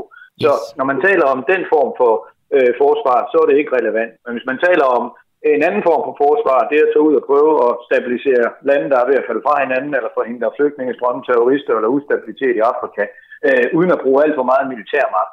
Så er det sådan set det, som er EU's øh, primære militære opgave i dag. Okay, altså jeg tror lige, jeg læser, bare også for lytternes skyld, læser øh, op fra øh, nogle valgplakater, som, øh, som de forskellige partier har. Vi har fra Socialdemokratiet, som skriver ja til fælles forsvar af vores sikkerhed. Så er der konservative, som skriver frihed og tryghed. Ja. Og så har vi Venstre, som skriver, pas på Danmark, stem ja. Altså, det, hvad, hvad synes du om det her? Er det vildledning? Fordi man kan vel godt sige det sådan, at det ude i nogle led, der er det vel de her EU-missioner og forsvarssamarbejdet, der er det vel til for at passe på Danmarks sikkerhed? Eller hvordan læser jo, men, jo, jo men, men, men når man formulerer det så bredt, som de gør på de der valgplakater, så lyver man jo i hvert fald ikke. Men, men det er selvfølgelig heller ikke særlig dækkende. Øh, men det hænger jo sammen med, at i dag, der ser man jo forsvaret som en relativt bred ting. Det handler ikke kun om krudt og kugler. Det handler også om øh, at forhindre cyberangreb. Det handler om at forhindre disinformation. Det handler jo også om økonomisk sikkerhed osv. Og, og hvis man definerer det så bredt og ser på, hvordan varetager Danmark sin sikkerhed og garanterer vores, øh, hvad det hedder, altså dels frihed mod ydre trusler i form af militærmagt, men også øh, hvordan bevarer vi vores velstand ja, så er EU jo del af en samlet pakke, ikke? Øh, det, det, snævert set territorialforsvar, det tager, sig, det tager NATO sig af, men stort set alt andet, når vi kommer væk fra direkte territorialforsvar, der er EU den vigtigste aktør, fordi det er den, der er med til at sikre, at vi kan samarbejde og eksportere og adgang til internationale markeder. Det er også EU, der går ind og prøver at hvad det hedder, forebygge øh, konflikter, især på det afrikanske kontinent, med, hvor EU er den største udviklingsdonor. Øh, så på den måde, der, der, der, hvis man ser det i et bredere perspektiv, så, så, så er det rigtigt nok. Øh, men, men når man laver den der meget snævre kobling med, at man skal stemme ja i morgen, fordi at vi skal forhindre nye ukrainer, så, så, så bliver det en lille smule skævt, fordi øh, man, EU har ikke en, en her, man kan sætte indsæt i Ukraine. Og når man ser på, hvordan EU prøver at påvirke situationen i Ukraine, så er det jo primært med økonomiske sanktioner, politiske sanktioner og, og ikke militære midler. Og det mere hårde, det er jo primært det, NATO står for ved at sende soldater ud til forskellige NATO-lande for at afskrække russerne for at gøre noget der. Altså, Peter Viggo, øh, det sidste skud på, på nej-stammen, det er det her med, øh, nu snakker du selv om Afrika, øhm, hvor man siger, at det er ikke sikkerhedsinteresser, øh, der, er, der ligger i de missioner, som EU har dernede. Det er fossile interesser. Hvad vil din vurdering, altså øh, sådan militært og sikkerhedsmæssigt, være? Jamen, altså, er der altså, grund jeg til at synes- være jeg- der, jeg hvis vi synes- snakker jeg synes- sikkerhed? Jeg synes, jeg synes, jeg synes altså lidt, det er noget vrøvl. Den største sikkerhedspolitiske trussel, jeg ser mod EU, det er de 460 millioner mennesker, der bliver født på det afrikanske kontinent i perioden øh, hvad det hedder, 2015 til 2030. Det var den øh, befolkningsprognose, der blev lavet, da taxiøl-rapporten blev lavet tilbage i 2016. Hvis de mennesker øh, går op mod Europa, så får vi altså et sikkerhedsproblem med den anden verden. ikke? Hvorfor Altså, de gå EU op mod Europa? Jamen, fordi de ikke kan lide at være dernede, hvor de, hvor, hvor de bor i dag, fordi Aha. der er hvad det hedder, klimaforandringer, der er mangel på mad, der er landbrugslag, hvad det hedder, områder bliver, bliver ødelagt, fordi at det bliver for varmt. Der er en meget stor befolkningstilvækst, der er mangel på arbejde osv. Og det er jo derfor, at du for eksempel også øh, så øh, søge mod Europa tilbage i 2015, hvor der kom 1,3 millioner asylansøgere, og hvor EU var ved at brænde sammen, og hvor de også endte med at gå på danske motorveje og skinner. Og det er, jo, det, er jo det, det er jo det scenarie, som man kan sige, at hvis EU har en forsvars- og sikkerhedspolitisk rolle, så er det den, den, den, de har. Fordi der hjælper USA og NATO ikke. Så hvis man er bekymret over for flygtningestrømme, terrorisme og ustabilitet på syd, og gerne vil kunne klare det i en international organisation, så kan FN ikke stå alene, og der kan EU komme til at spille en, en, en rolle fremadrettet. Og det ser du jo allerede i dag med de øh, flådeoperationer, der er blevet lavet i, i hvad det hedder Middelhavet. Ikke? Så, så, så, så det jeg vil sige, at EU spiller en sikkerhedspolitisk rolle, og man skal også huske på, at, at, at, at sikkerhedspolitik er jo ikke kun brug af militærmagt. Du griber kun til militærmagt, når øh, alt, alt andet er svigtet. Så EU spiller en stor rolle ved at prøve at påvirke udviklingen i en positiv retning på det afrikanske kontinent med ikke militære midler. Men desværre er der nogle gange nogle situationer, hvor det ikke er nok. Peter Viggo, øhm, jeg talte lige med Knud Brix, øh, som er chefredaktør på Ekstrabladet, og øh, Glødende Nej siger, han siger, at, øhm, at vi bør ikke være med, fordi vi ikke har simpelthen nok tropper, altså stort nok militær til både at opfylde vores, øh, ikke decideret NATO-forpligtelser, men, men ligesom at kunne øh, være med i NATO på en ordentlig måde, på NATO-missioner, og så også være med øh, på EU-missionerne. Det synes jeg var lidt interessant. Altså har vi overhovedet øh, Jamen, men jeg synes, jeg synes, det er sådan lidt? Jeg synes, det er lidt et sjovt argument. Og prøv at kigge på, hvordan vi allerede opererer i dag. Ikke? Der er der danske soldater i Irak, der var også danske soldater i Mali, og har været i en længere periode, hvor vi har samarbejdet med franskmændene og med, hvad det hedder, FN.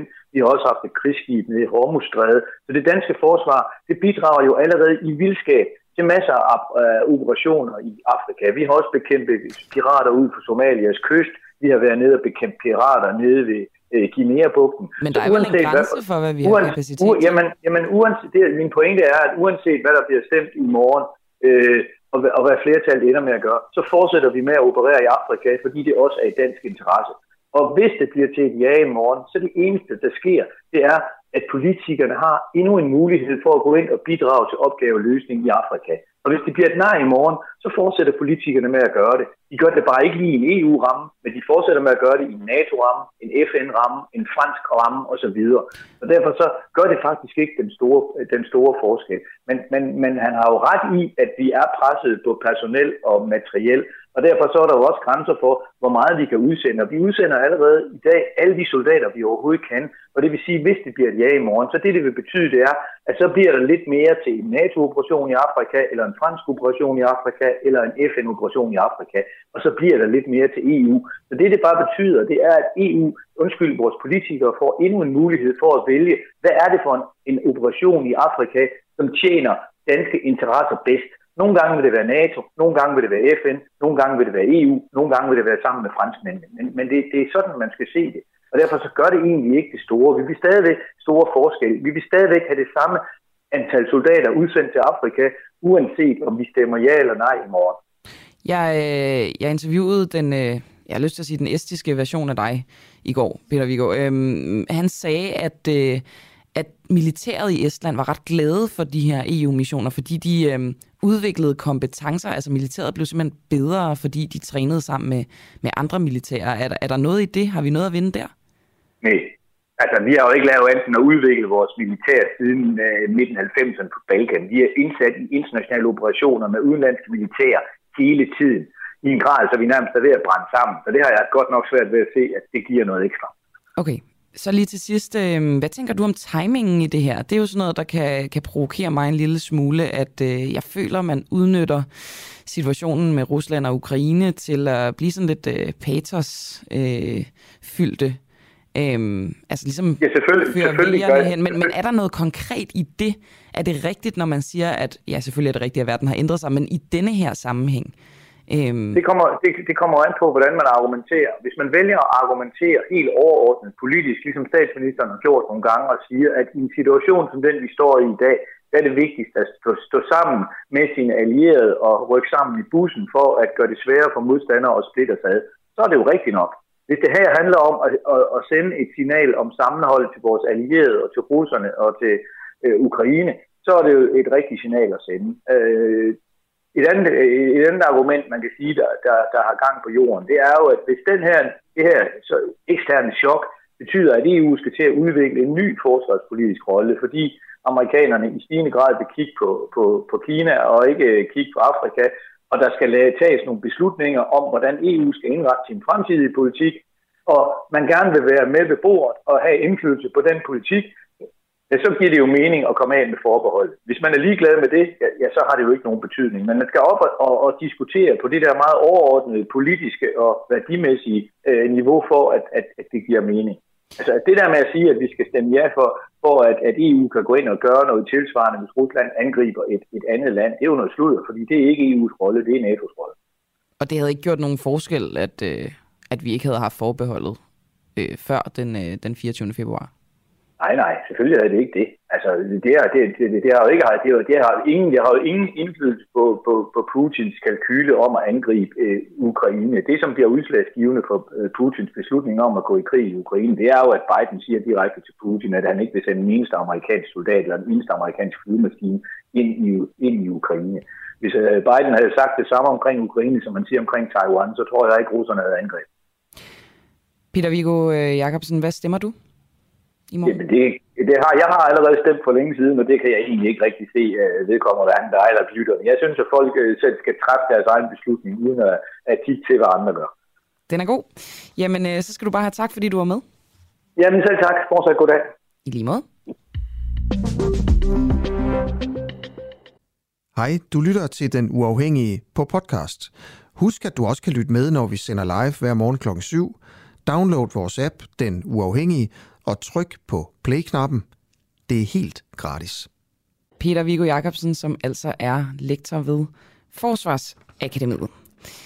Øhm, nu skal jeg spille nogle klip for jer. Øh, det kommer også til at handle om forsvarsforbeholdet. Det er, sådan en, det er en morgen, som ligger op til dagen i morgen, vil jeg sige. Vi har øh, rigtig meget øh, om forsvarsforbeholdet. Blandt andet altså det, som jeg fik øh, kaldt den, øh, den estiske Peter Vigo.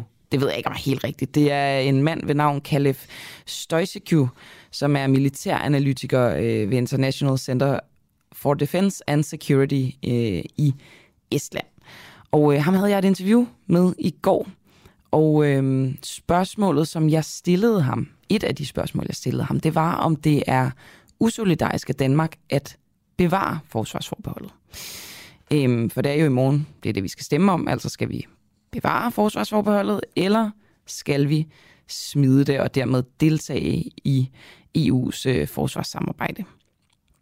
Og jeg spurgte Kalef øh, Stoisiku om hans bedste argument for at melde sig ind i forsvarssamarbejdet, og altså det her med, hvorvidt de øvrige EU-lande ser på Danmark som værende usolidarisk, når vi holder os uden for forsvarssamarbejdet.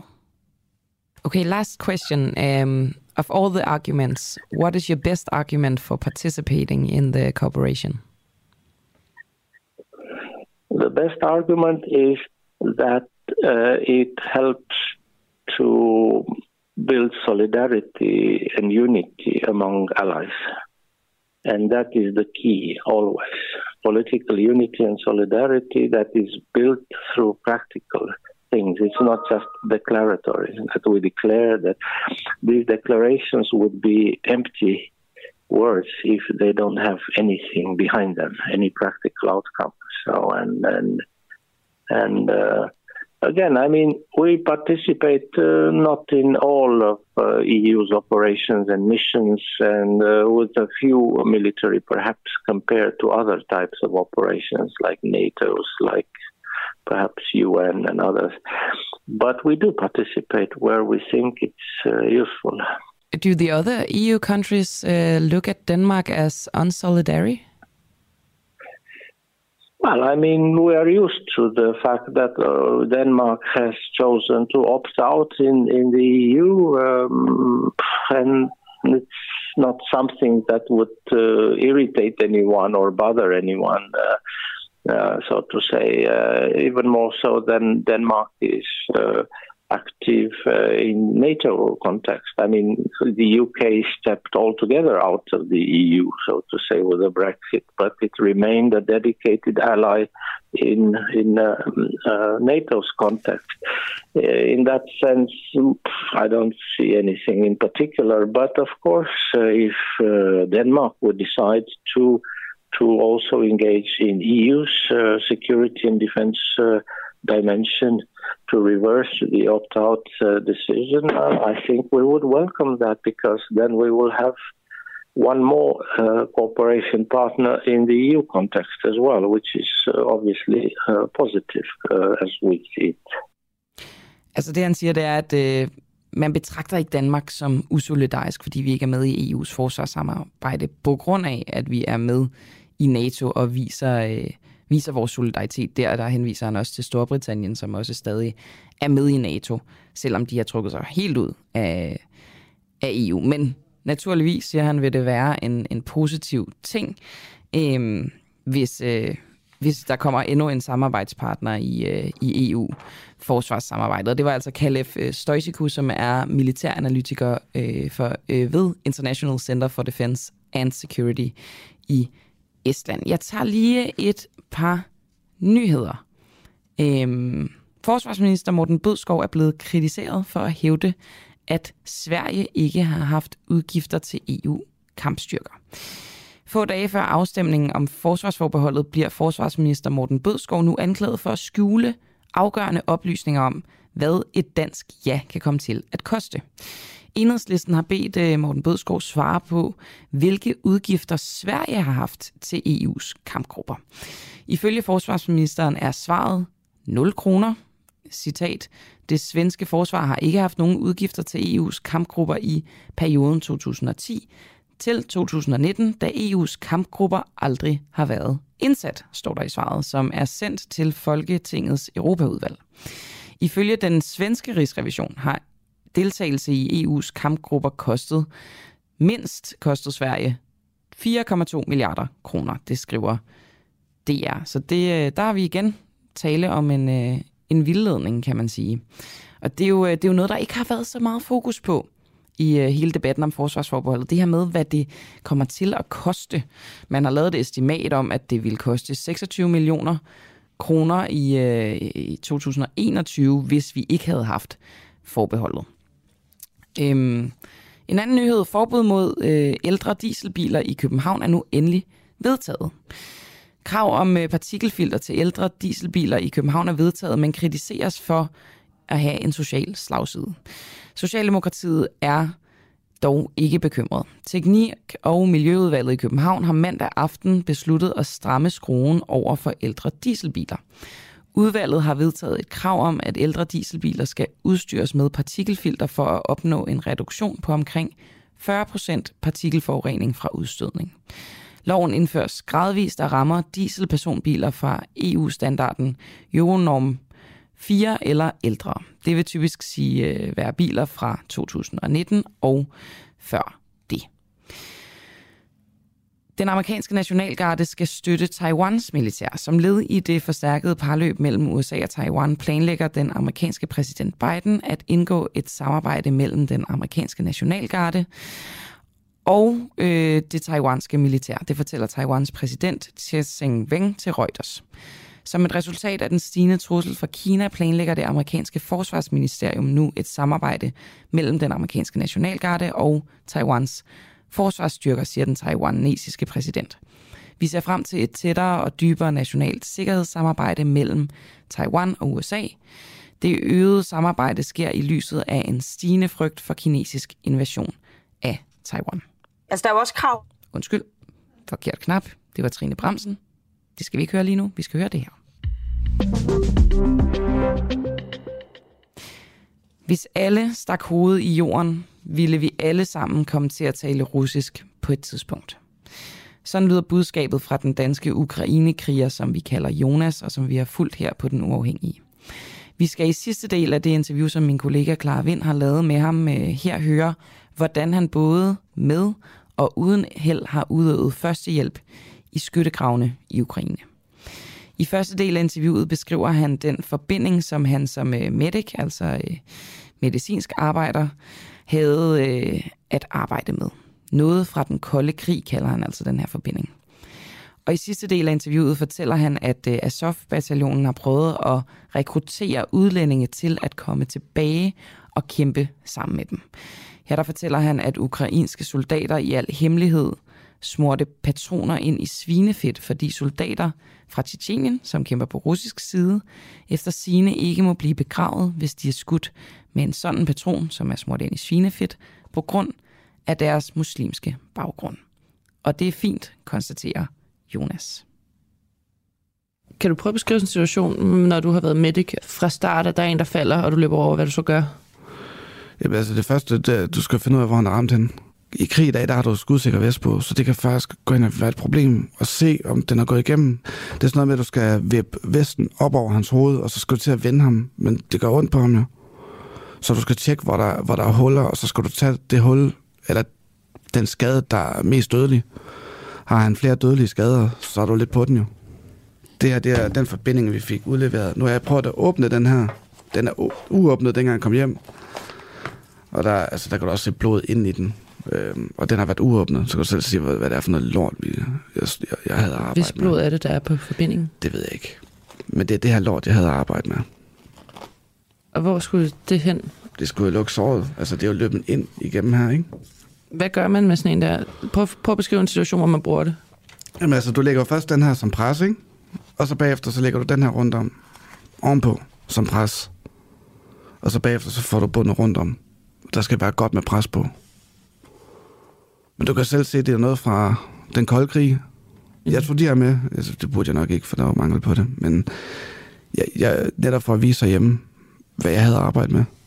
Det, det er noget gammelt lort. Nu rører jeg lige ved det her, der er stadig noget tørt blod på. Hvad du siger, det her ligner sådan en lille karamel det, næsten. Ja, men det er sådan noget pulver, du propper ned i såret, som skulle gøre det for, for sejler. En slags plasma, tror jeg, det hedder. Igen. Jeg aner det faktisk ikke. Men, hvordan blev folk typisk ramt, eller hvilke skader havde... Altså, hvordan? Det, var, det var mest bare altså, altså øh, små, altså almindelige skudsår, ikke? Men så var der dem her, der blev ramt af granatsplinter. Heldigvis har jeg kun ordnet en af dem. Men der kunne jeg også godt stå og bruge to af dem der, og så stadigvæk var det spild af tid. Hvad, skal, hvad går der igennem dit hoved, når der er, der, lad os sige, en granat ned? Og, at du, du kan som regel høre, når folk de ramt jo. De skriger jo fandme. Altså, Siger de noget? De skriger. Øh, nogle af dem skriver, kalder på deres mor. Altså, fordi de, altså, de går i chok til tilstand. Øh, men mange er ved bevidstheden, du ved, øh, når de bliver ramt. Så det er også sådan, du skal også sørge for at holde området sterilt, jo. Så når du åbner sådan noget her, så er det jo med dine tænder. Øh, og det er lidt svært, når du er i en skyttegrav, og der er jord og sand rundt om det hele. Hvad siger du til dem som det første, når du kommer derover? Easy, easy. Du ved, jeg, jeg, jeg, jeg skulle nok have lært noget ukrainsk. Øh, mere end jeg havde lært det. Øh, men prøv at berolige dem. Mange af dem forstår jeg ikke klart engelsk. Men jeg tror bare, mere det var det der med, at de vidste, at man var der. Holdt dem i hånden og sådan noget. Altså, der var ikke så meget andet at gøre. Med ham der, man ikke kunne gøre noget ved. Tænker du på ham nu, når du er kommet hjem? Ja, tit. tit. Men det er også, altså, fordi det er nogle voldsomme skader, ikke? Men det er noget gammel, gammel lort. Det er sådan en stofpose, der ligger i. Ja. Og hvor fik du udleveret dem af henne? det gør jeg sgu det. Der havde øh, nogle stykker af dem der. Og resten, det var jo noget, jeg selv havde samlet undervejs fra Lviv til Kiev fra andre soldater. Og jeg rendte fandme rundt og sagde, har du ekstra forbinding og sådan noget. Og så proppede ned sådan en stor taske, ikke? Øhm, jeg havde ikke nogen saks på et tidspunkt, så der brugte jeg også en hel dag på at finde saks. Fordi saksen skal have sådan en bue ned under på den nederste skaft. En gipssaks eller sådan Ja, noget. lige præcis, ja. så det klipper ind i ham. Hvad med dem, øh, da du var medic, altså øh, med jeres egne? Hvad, hvad gjorde I med dem, når de døde? Jamen altså, jeg lukkede øjnene på dem og lå dem ligge. Øhm, de blev selvfølgelig fjernet, men hvem der gjorde det, ved jeg ikke. Øhm, jeg havde ligesom travlt med en masse andre, andre ting. Ja. Var der også børn, der kæmpede? Nej, ikke, ikke, ikke, ikke hvor jeg var. Øhm, jeg har hørt noget om, at der skulle være nogle meget, meget unge russiske soldater, helt ned til 16 år. Men det er som regel øhm, dem, der kommer fra de russiske separatister. Øh, jeg ved ikke, om de kan finde på at sende deres teenagebørn i krig. Synes du, de så unge ud, dem du kæmpede mod? Ja. Men det gør mange af os andre også. Øh, som sagt, så havde vi en 18-årig fra England med. Hvordan håndterede han at være i krig? Altså slog han nogen ihjel? Ja, det, det går det ud fra. Øh, tror jeg alle sammen gjorde. Det er en ung alder. Men det er faktisk ham, der har klaret det bedst. Øh, også med børn, vi bliver mere sentimental. Øh, han har ikke rigtig øh, noget ansvar. Men han blev også sendt afsted med, med hele hans familie har været i militæret. Så faren og moren var også stolte. Altså, de var glade for, at han tog afsted. Ikke glade, men de var stolte. Og ham danskeren, der, der er faldet, du ved, altså, hans familie skal også have den dybeste respekt. Nu kan jeg se, der er mange, der skriver alt muligt lort om ham. Øhm, men folk glemmer, at han offrer den ultimative pris for deres skyld også. Fordi hvis alle bare stak hovedet i jorden og ikke gjorde noget, så ville vi alle sammen komme til at snakke russisk på et tidspunkt. Var din familie stolt, da du tog afsted? Nej, nej. Nej, men min far har været i militæret i 40 år. Han vil være stolt. Øh, et eller andet sted. Har du fået tilbud om at tage nogen og sådan komme tilbage? Ja, der gik en meddelelse rundt fra Azov-bataljonen med, at øh, de vil gerne have udlændinge. Alle slags udlændinge? Nej, folk der, kunne, folk, der havde været i kamp dernede. Øhm, altså, det være en ære at kæmpe med dem, fordi de er dygtige. Øh, ikke, ikke, ikke for deres politiske holdninger. Jeg kan ikke se, hvorfor folk er, har kæmpe problem med dem. Det kan godt være, at de er meget højorienterede. Men det er jo fordi, de er imod russerne. De er højorienterede på grund af russerne. Jeg så sådan noget med, at de havde smurt, smurt uh, svinefedt. På deres På deres patroner. patroner. Ja, det var også nogen, der gjorde, der var jeg. Gjorde de også det der? Ja. Hvad synes du om det? det er fint. Altså, det er mere, øh, det, er mere for, for de her bataljoner fra Tjetjenien. De har stor, stor skæg, og de er nogle dygtige soldater, men de er der kun for at slå ihjel og torturere. Og det siges jo, at hvis han, en af dem bliver ramt af skud med svinekød, så må han ikke begraves. Så prøv lige at forklare mig hvad, hos jer, hvordan de gjorde det der. Altså, hvad, hvordan Det var meget, meget få, de gjorde det, og de, altså, det var noget, de holdt skjult. Øh, ledelsen ville ikke have det. Okay, så var det, var det, var det udlænding, eller var det, Det var, det ukrainerne? var ukrainer. Okay. Men du ved, så, når vi fik, endelig, endelig fik svin, så tog de det med over. Og så sad de bare nu, nullede deres øh, patroner ned i det. Øhm, og så ned i magasinet. Der må heller ikke komme for meget på, fordi så bliver løbet og alt det der fedtet, ikke? Her var det altså øh, Clara Vind, journalist her på Den Uafhængige, som øh, har interviewet denne her dansk-ukraine-kriger, som vi kalder for Jonas. Hver dag efter morgenudsendelsen kan du høre et særligt udvalgt interview i vores podcast Den Uundgåelige. Interviewet er valgt, fordi det er det bedste, det vigtigste eller mest interessante. Okay, men hvad er problemet? Vi har gymnasier i det danske samfund, hvor der er en så høj andel af tosprogede elever, øh, hvor øh, der ifølge de udlægninger, der har været i medier, de har ikke selv besøgt de her gymnasier, men for eksempel ikke bliver talt øh, dansk i, i frokostpausen. Det synes jeg, der er et, øh, et problem. Du finder Den Uundgåelige i vores app, eller der, hvor du henter din podcast. Et nyt interview hver dag. For dig, som ikke fik hørt hele morgenudsendelsen, men ikke vil gå glip af dagens bedste interview.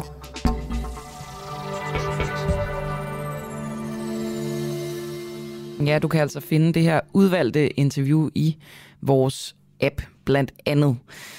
Og øh, noget andet, du også kan finde i den app, det er øh, en live-udsendelse i dag kl. 16, hvor vi altså sender programmet Oppositionen live, altså ikke optaget på forhånd, men, øh, men, øh, men live. Øh, og i programmet i dag, der kan du ringe ind og stille Jens Rode spørgsmål om forsvarsforbeholdet. Jens Rode, som jo selv har øh, siddet nede i EU-parlamentet. Nummeret det er 50 24 50 14. Sådan ringer du ind til studiet, og så kan du så finde dit bedste spørgsmål og ringe i dag kl. 16. Nummeret skal nok blive, blive gentaget, når vi sender. Og det bliver også sendt live på Facebook, så der kan du også skrive ind med, øh, med gode spørgsmål til Jens Rode. Klokken den er blevet 18, næsten 19 minutter over 8. Jeg hedder Camilla Boraki, og det her det er en uafhængig morgen. Og jeg har også lyst til at gøre lidt reklame for en anden ekstraordinær live-udsendelse. Det er i morgen, hvor vi simpelthen øh, laver valgdækning. Inden fra Christiansborg, vi har fået lov til at komme ind og sende derindefra. Og et hold, der øh, består af mig selv og øh, Christoffer Lind. Så er øh, Asger Jul og Pernille Brunse reportere sammen med Clara Vind og Christian Henriksen. Og øh, vi har gjort det sådan, at øh, Christoffer Lind og jeg, vi sidder i øh, godsøjne i studiet inde på Christiansborg og snakker primært om forsvarsforbeholdet og om afstemningen. Og så har vi så de her fire rapporter, som løber rundt til de forskellige partier og stiller alle de spørgsmål, som vi mangler at få svar på. Ikke i henhold til øh, forsvarsforbeholdet, men alt muligt andet. Det kan være om Lars Finsen-sagen, det kan være om ja, alt fra klima til øh, faktisk et spørgsmål, jeg kom øh, til at tænke på i går, det er, hvordan regeringen forholder sig til alt det, der er sket i Afghanistan. Altså, fordi man har jo ikke hørt Mette Frederiksen sige, at, øh, at vores indsats der var en fiasko. Det er heller ikke fordi, at, at jeg mener det, men, men de har ligesom ikke forholdt sig til det, der er sket der, efter at øh, Taliban ligesom overtog styret. Så øh, en masse af sådan nogle der ting, som vi mangler svar på, det har vores reporter altså tænkt, os, tænkt sig at jagte. Så jeg tænker også, hvis I har nogle spørgsmål, som I synes, at nogle politikere de mangler at svare på, det kan være hvem som helst, man må antage, at de fleste befinder sig inde på borgen i morgen aften, så skriv der ind, altså enten på en øh, uh, sms nu her, uh, 1245 DUAH, et mellemrum af dine spørgsmål, eller inde på, uh, på Facebook, så skal vi nok finde det og tage det med. Og det er fra klokken 19, at vi sender live både på, uh, på Facebook og uh, selvfølgelig her på vores, uh, på vores app.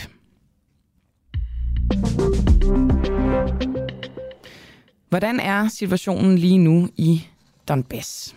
Befrielsen, altså i gåsøjne befrielsen af Donbass-regionen, er en ubetinget prioritet for Rusland. Nu siger jeg i gåsøjne, altså der er jo lidt øh, diskussion om, hvorvidt det er øh, altså berettiget, at øh, russerne ønsker, at, at, ligesom at Donbass skal, skal høre til dem, eller at øh, det skal være ukrainsk territorie. Men, øh, men i hvert fald er befrielsen af Donbass en ubetinget prioritet for Rusland. Det er sådan, meldingen lyder fra den russiske udenrigsminister Sergej Lavrov i en udtalelse udsendt af Ruslands udenrigsministerie. Og i går der trængte russiske styrker ind i øh, byen Severodonetsk i den øh, østukrainske Donbass-region. Anders øh, Puk Nielsen, kan du ikke lige give sådan et overblik over, hvad situationen er i Donbass lige nu, og godmorgen? Ja, godmorgen. Jo, altså situationen er, at russerne har gang i en offensiv, og det har de efterhånden haft i et sted mellem en måned og to måneder, øh, hvor de stille og roligt har, har, har erobret mere og mere terræn. Øh, og Donbass, som du nævner, er delt i to øh, republikker eller øh, regioner. Øh, den ene hedder Luhansk, og den anden hedder Donetsk. Og, og russerne er så småt ved at, at have erobret hele Luhansk-regionen, Øh, de mangler bare lige den her by, Severodonetsk. Øh, så, øh, så kan de ligesom krydse den af. Øh, og så mangler de så cirka halvdelen af Donetsk-regionen, så det er jo ikke sådan, at de er ved at være i mål med de mål, som øh, Lavrov har, har stillet op. Men altså, øh, det, det er da alligevel en, en vigtig milepæl, hvis det lykkes for dem at tage Severodonetsk. Okay.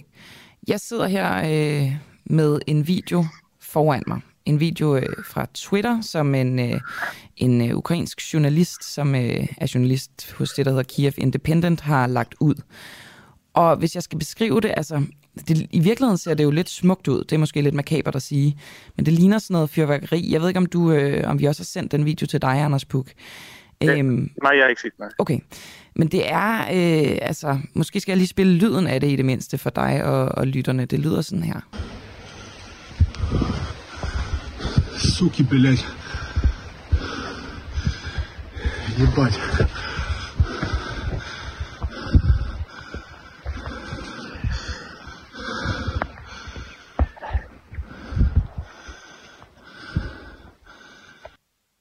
Ja, det, øh, det er jo ikke, fordi vi kan forstå, hvad han som sådan siger, men man kan godt høre, at det er en, øh, en mand, der er, er bange. Og det, jeg kan se på videoen, det er simpelthen en regn af noget, der ligner sådan langsomt fyrværkeri. Øhm, er, er det sådan, det foregår? Øh, altså i, i, øh, i øh, hvad hedder det, øh, i Servadonetsk lige nu, at det ligesom regner med bomber?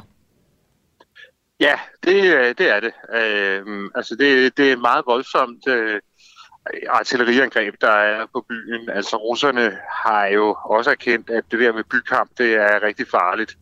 Øh, så, øh, så, så de, bruger meget det der med at smide rigtig store mængder artilleri ind over byen, og det er også derfor, der kommer så store skader på byerne, øh, når, når, når de er under angreb.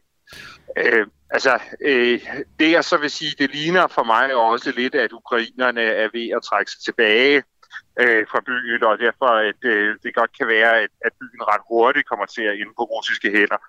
Øh, Hvorfor fordi, gør de det?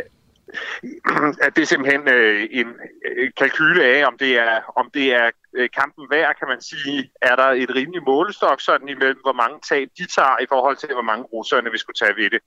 Øh, og, og hvis de mener, at de vil kunne bruge de her soldater bedre et andet sted, og kunne påføre russerne større tab der, og så øh, måske stille sig i en position, hvor man på et tidspunkt vil kunne lave modangreb, jamen, så vil de gøre det.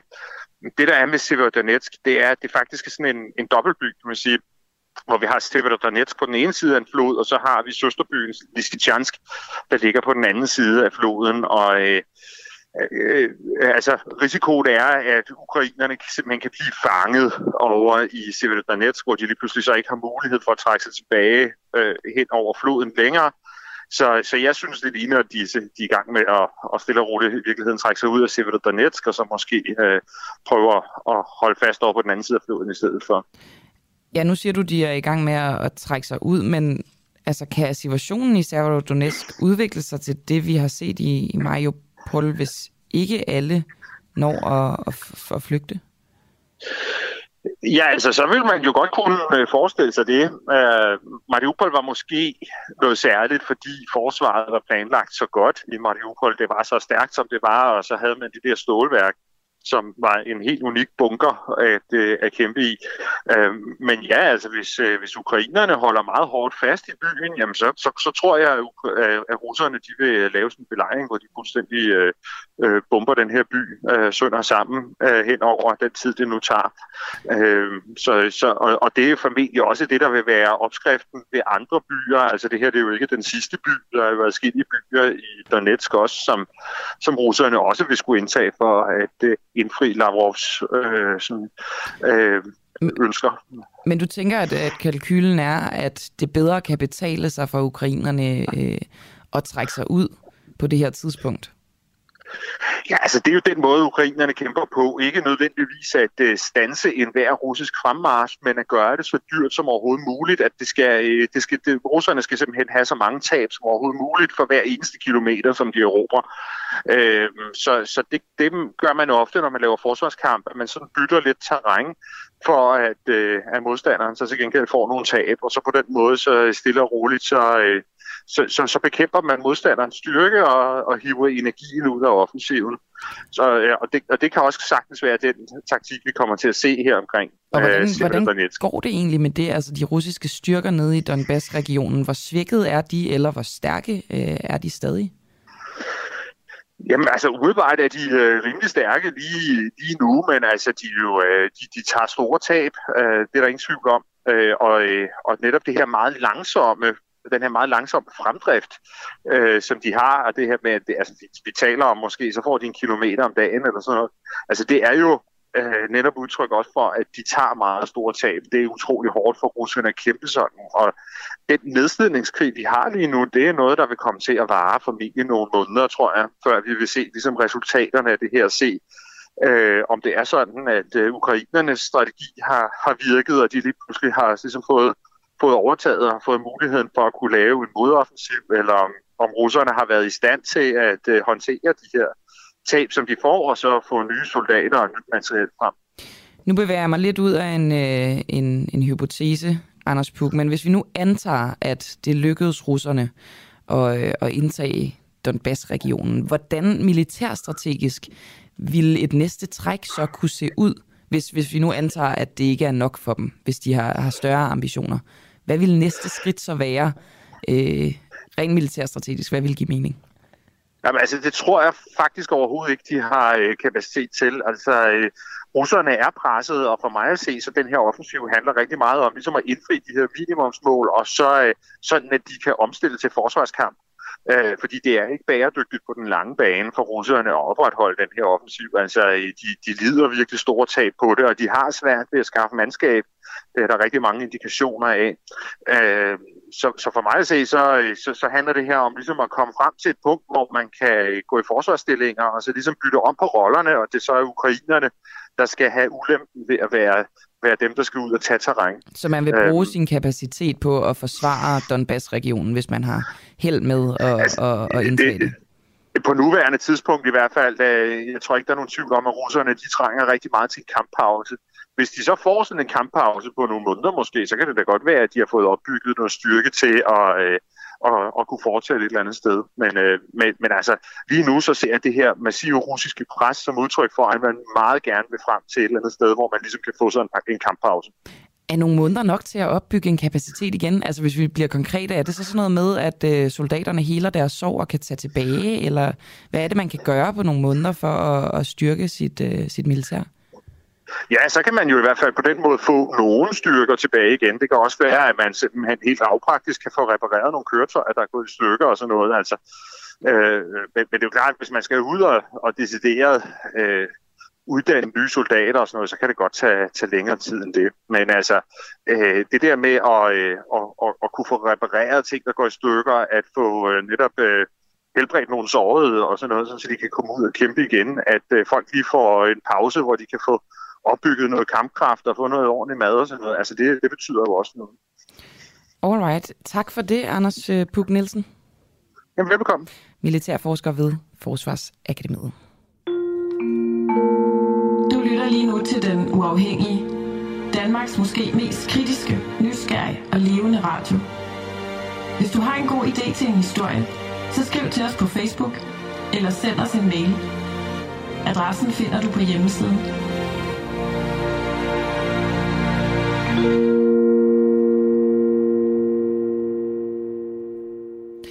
I morgen der skal vi til valg. Vi skal stemme om, om vi skal bevare forsvarsforbeholdet, EU-forsvarsforbeholdet, eller om vi skal smide det og deltage i EU's forsvarssamarbejde. Og mange er stadig i tvivl. Jeg selv er stadig i tvivl. Jeg kan se, at det er nogle af jer også. Jeg, faktisk, hvis jeg skal være helt ærlig, så kunne jeg godt være nervøs for, at jeg ender med at stå ved stemmehurten og stadig være i tvivl. Øhm, og så bliver det jo at stemme blankt. Det virker også en lille smule vagt, synes jeg. Nå, men spørgsmålet er, om politikerne ved, hvad de skal stemme i morgen. Øhm, selv, eller det kunne man jo forestille sig, at, at de godt vidste. Men, øh, men det er der altså nogle af dem, der har været i tvivl om lige frem til nu. For eksempel enhedslistens Pelle Dragsted. Og Pelle Dragsted, har du fundet ud af, hvad du stemmer? Og godmorgen.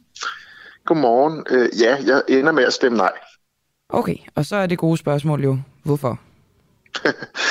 ja, men det har jeg skrevet et, en, et længere indlæg om i, øh, i Altinget i går, som, som man jo eventuelt kan gå ind og læse. Det ligger frit tilgængeligt. Men, men øh, helt kort, øh, den vigtigste årsag for mig til at have været i tvivl, det er det her spørgsmål omkring, at at jeg jo egentlig ikke er specielt glad for sådan orienteringen i dansk udenrigspolitik, som den er i dag. Altså det her ultratætte forhold til USA, øh, hvor vi ligesom Øh, som sådan en lidt en, en glad hundevalg, ligesom bare fulgt med ind i den ene øh, ulykkelige krig efter den anden. Og, øh, og man kan sige, hvis det her EU-forsvarssamarbejde øh, på en eller anden måde udgjorde et alternativ til det, altså en nyorientering væk fra fra, fra den her ekstremt tætte alliance med, med amerikansk udenrigspolitik, så, så synes jeg jo, der var noget, der talte for at stemme, øh, øh stemme ja. Øh, men det jeg ligesom øh, er kommet frem til, også ved at lytte på øh, politikerne i kan de regeringsbærende den, partier. Kan du holde den, Pelle Dragsted? Fordi jeg synes, Ja, det er interessant ja. dermed. Kan du ikke lige Absolut. uddybe, hvorfor at øh,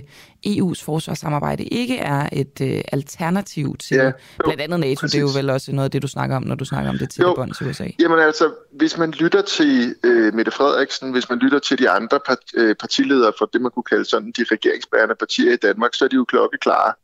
Øh, de siger, at det her er ikke et alternativ til NATO. Øh, Øh, de skal ikke erstatte øh, øh, det tætte, den tætte alliance med USA. Øh, det ligger så ligesom bare ovenpå øh, og ved siden af. Øhm, og øhm, det betyder at konsekvensen vil være sandsynligvis, at vi fremover ikke bare øh, vil følge USA ind i, i deres ulykkelige krige, som vi har gjort det i Irak og i Afghanistan og i Libyen, øh, men at vi også kommer til at følge øh, med, EU, øh, med EU ud i andre krige Men ude i er verden, øh, i på, Afrika at, eller... At, at det ikke kan gøre noget ved, ved orienteringen, trods alt. Altså, hvis det, det er jo sådan mm. lidt i de store billeder, vi snakker her, men hvis vi snakker om at flytte fokus, altså det er jo, mm. selvom du siger, at det måske ikke er et sammenligneligt alternativ til NATO, så er det vel at, at flytte fo- eller brede fokus ud på en eller anden måde, og have nogle andre alliancepartnere, hvis vi er med i forsvarssamarbejdet. Altså nu er vi jo med i EU i forvejen, men, men, øh, men jeg opfatter det desværre, vil jeg sige, ikke som et alternativ til NATO. Det er også meget klart, og det er også kommet frem under Men det er heller ikke det, du vil have. Undskyld, jeg afbryder dig, Pelle Dragsted, men jeg tænker ikke, at det er at det, du ville have, at vi skulle sige farvel. Altså, hvis nu forsvarssamarbejdet var et alternativ, ville du så vinke farvel til NATO? Jeg så, meget, jamen det, jeg så jo meget gerne øh, et, et, en fremtid, hvor det ikke var NATO, som var rammen om dansk sikkerhedspolitik. Det tror jeg er kendt for øh, enhver, at det ikke er enhedslistens øh, Øh, ønske, at vi øh, for al fremtid skal være en militæralliance, som for eksempel også omfatter et diktatur som Tyrkiet, øh, og som, hvad kan man sige, hvis historie og øh, legitimitet jo også øh, er tvivlsomme i den forstand, at man også selv er en en stormagt, som øh, varetager nogle egne interesser rundt omkring i verden. Så jeg så meget gerne, at en, en fremtid, hvor vores sikkerhedspolitik var forankret et andet sted. Øh, men jeg tror, kan bare ikke se, at øh, det her er et skridt i den retning, desværre. Heller ikke et Øh. symbolsk øh, baby step, måske? Jamen altså, øh, du spørger, er du sikker? Så siger men der er ikke nogen, der kan være sikker på noget øh, om fremtiden. Men jeg har lyttet til, hvad der bliver sagt for de ledende politikere, øh, og de gør jo fuldstændig klart, at det her på ingen måde må opfattes som et skridt væk fra den her ekstremt tætte alliance med, med USA. Hvis det ændrer sig i fremtiden, øh, hvis nu at, lad os sige, Donald Trump, øh, godt forbedret, kommer tilbage som, øh, hvad hedder det, præsident i USA, øh, og fortsætter sin sådan ustadige øh, adfærd, øh, hvor han jo blandt andet så i tvivl om, hvorvidt øh, USA ville trække sig fra NATO og andre ting. Jamen, men de sig øh, ikke, det er jo vigtigt lige at det gør de ikke. Men så kunne vi måske stå i en anden situation, men min holdning er bare, at jeg er ganske sikker på, at sker det, øh, så skal vi nok få lov at stemme om forsvarsforbeholdet igen. Altså det er jo ligesom erfaringen med de danske forbehold, at øh, når vi stemmer nej, så, så øh, kan vi være ret sikre på, at vi får øh, chancen for at stemme ja på et senere tidspunkt. Øh, omvendt, hvis vi stemmer ja, så er løbet jo ligesom, øh, ligesom kørt. Ja, for så vidt. Øh, ja, det vi konkret skal stemme om, det er rigtigt. Men, men øh, det, så, øh, det var dit argument for at overveje at stemme ja. Ja. Det holdt så ikke rigtig vand. Hvad er dit bedste argument for at stemme nej? Jamen det er dels det, jeg var inde på nu. Altså det er, at den, den, den direkte konsekvens jo bliver, at Danmark, om så må sige, kommer med sandsynligvis i flere øh, krige ude i verden, ikke mindst i Afrika, hvor jo øh, EU's primære militære operationer øh, foregår.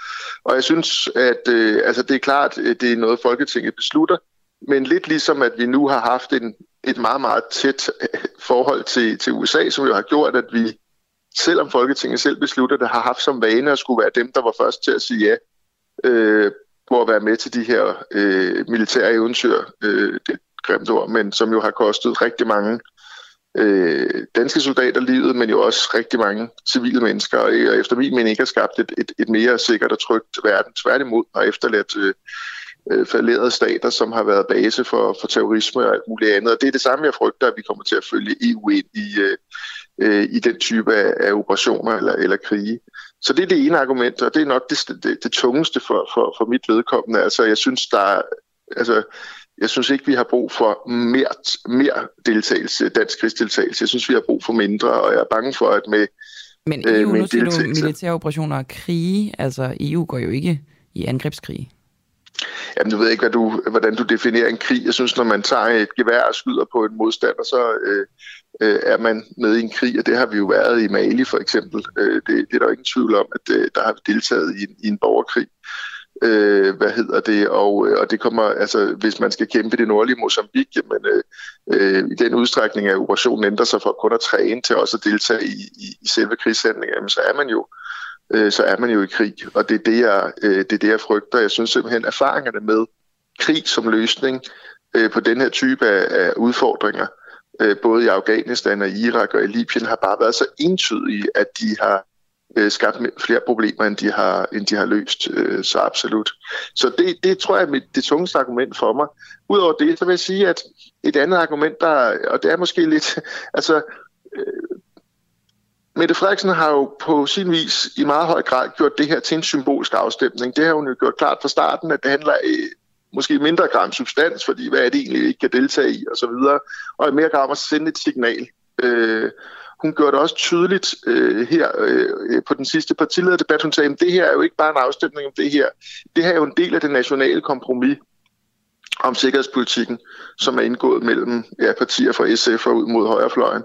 Øh, og det nationale kompromis, øh, det indebærer jo også for eksempel en, opru- en, altså en massiv historisk oprustning, øh, på, øh, hvor vi skal bruge 18 milliarder kroner mere om året øh, på, på, øh, på militær oprustning. Og, øh, og, øh, og, og der må jeg sige, at øh, der har jeg lyst til at sende det modsatte signal af det, som Mette Frederiksen gerne vil sende. Øh, jeg har lyst til at sende et signal om, at jeg er uenig øh, i den øh, konsensus, der er ved at opstå på Christiansborg, om at øh, øh, om oprustning, øh, om, øh, om våbenkapløb. Altså jeg, jeg mener, det er en, øh, en farlig øh, vej og en forkert beslutning kan i forhold til at sige, skabe... det kunne være en farlig vej ikke at gøre det, altså når Putin han øh, agerer, som han gør? Altså, øh, NATO-landene bruger 15-20 gange så meget på, mil- på militær som Rusland. Altså, vi er fuldstændig entydigt overlegne, og man kan jo også diskutere den russiske hærs, øh, øh, eller den russiske militærs øh, succes på slagmarken selv over for en, en lille modstander som, som, som Ukraine. Så jeg kan slet ikke se, hvad behovet for en så massiv oprustning er, og vi skal jo huske, at de penge, vi bruger på... cybersikkerhed måske? Udvikling af cybersikkerhed, investering i cybersikkerhed? Det kan være fint, men 18 milliarder kroner om året, det er en altså, fuldstændig massiv øh, oprustning. Og jeg synes, at det der med at sætte et tal et måltal, uanset hvad der sker i verden. Lad os nu sige, at øh, Putin øh, falder, og vi får et, rus, et russisk styre, som måske vender sig mere mod, mod Vesten og, og rækker hånden ud øh, for, for et samarbejde. Skal vi så fortsætte med at opruste med 2% om, om året? Altså, jeg forstår ikke det her tænk på et tal. Altså, det må da være sådan, at vi bruger de penge, som, som er nødvendige, og jeg forstår godt, at lige nu øh, i år, øh, at der øh, øh skal vi bruge penge for eksempel på at støtte Ukraine med, med våben, og jeg er glad for, at vi er det kommet frem nu, har, har brugt nogle milliarder på at, at hjælpe dem med at kunne øh, forsvare sig mod øh, de ja. russiske invasionsstyrker. Øh, men der er meget langt fra det, synes jeg, og så til øh, en aftale, som binder dansk økonomi øh, i årtier ud i fremtiden, og som jo vil betyde, at vi mangler de penge øh, til velfærd. Vi mangler de penge til den grønne omstilling. Og selvom øh, krigen i Ukraine selvfølgelig er fuldstændig forfærdelig, at vi skal gøre alt, hvad vi kan for at hjælpe, øh, og også at vi skal have sikkerhed, så skal vi bare huske, at den allerstørste trussel mod vores sikkerhed, det er klimaforandringer. Øh, mm. og jeg kan ikke forstå, at man kan have så svært ved at finde de penge, der er nødvendigt for at gennemføre den forandring, men at man på en eftermiddag kan finde 18 milliarder kroner om året til, til oprustning. Nu, øh, nu bryder jeg lige ellers et, øh, et smukt narrativ i det her interview, Pelle Dragsted. Det er fordi, det jeg gerne vil, vil vende tilbage til det, du sagde med, at øh, du ønsker sådan set ikke, at vi skal være afhængige af USA på den måde, som vi er lige nu. Og så forstod jeg det sådan, at du på en eller anden måde kunne frygte, at hvis vi deltog i EU's forsvarssamarbejde, så ville er det forkert at sige sådan en som Frankrig, et land som Frankrig, indtage den position, eller stille os i, det, i den relation, som vi har haft til USA, det vil vi øh, stå med øh, i forhold Ja. til Frankrig. Ja, eller måske... Om, altså, det er jo rigtigt, at det er Frankrig, der har været et af de lande, som var meget optaget af, Amerik- eller, af militære operationer i Afrika, fordi de er jo et land, som, som har en, en, en, en kolonial historie i Afrika, altså som... Øh, øh, og det har, det har Spanien, det har Portugal, det har Belgien. Så der er jo forskellige lande, som stadigvæk har stærke geopolitiske interesser i nogle af de afrikanske øh, lande. Men hvorfor er øh, det som- problematisk, når det også... Altså nu har jeg lige talt med Peter Viggo Jacobsen fra Forsvarsakademiet, som siger, at der er god grund til at befinde sig i Afrika. Sådan rent øh, sikkerhedspolitisk, også for Danmark, så giver det god Jamen, det mening. kommer jo an. Så, Jamen, man kan det kommer sige, an på, man mener, intentionen er, altså, øh, at de gamle kolonimagter, det kan også være fossile, fossile interesser, det har I også skrevet om i enhedslisten. Hvis det sikrer Danmark, hvad er så problemet? Nogle gange skal man jo tænke lidt over det her med, hvordan vi opfatter mennesker på andre kontinenter, eller øh, hvordan vi opfatter relationen mellem kontinenter, om vi stadigvæk tænker lidt som gamle kolonimagter. Forestil dig, at, at du sad og hørte et radioprogram i, øh, i et afrikansk land, øh, hvor at verden sad og øh, spurgte øh, øh, den politiker, der var på, altså øh, som os to, øh, om, om Afrika ikke øh, har en interesse i at sende militær til et europæisk land og gennemføre krige og militære operationer i europæiske lande. Altså, de er jo et, øh, en nation, de har en afrikansk union øh, selv, som også opererer øh, fredskabende rundt omkring øh, i Afrika. Altså, man kan jo godt spørge sig selv, hvad, hvad, hvad er det, vi skal i afrikanske lande? Øh, hvorfor, med hvilken øh, altså, legitimitet er det, at vi synes, vi skal operere øh, i, på et andet kontinent af Det, det er vel selvstændige en nationer? legitimitet, som altså, vi tager jo ikke derhen og laver for eksempel fredsbevarende missioner, uden at vi har altså, fået deres tilladelse, kan man sige. Jo, men altså i Mali for eksempel, der øh, har vi jo trænet en, en, et officerkorps, som bagefter be, øh, begik et, et, et, et kup, et militærkup, øh, og, og, øh, og, og der blev øh, i lang tid europæiske tropper i landet, øh, også efter det her kup var gennemført. Så man kan jo sagtens så tvivl om legitimiteten ved nogle af de her operationer, øh, hvad det er for nogle kræfter, man allierer sig med, om de overhovedet har en demokratisk legitimitet, eller om de i virkeligheden øh, om man så må sige, nærmere er en slags øh, marionetter også for, for interesser i, øh, øh, i, øh, i dele af Europa. Så, så jeg synes ikke, det er så entydigt. Altså, og, og, øh, Men og vil du helt generelt, afvise, det er at, klart, det, at de missioner kan bidrage til Danmarks sikkerhed?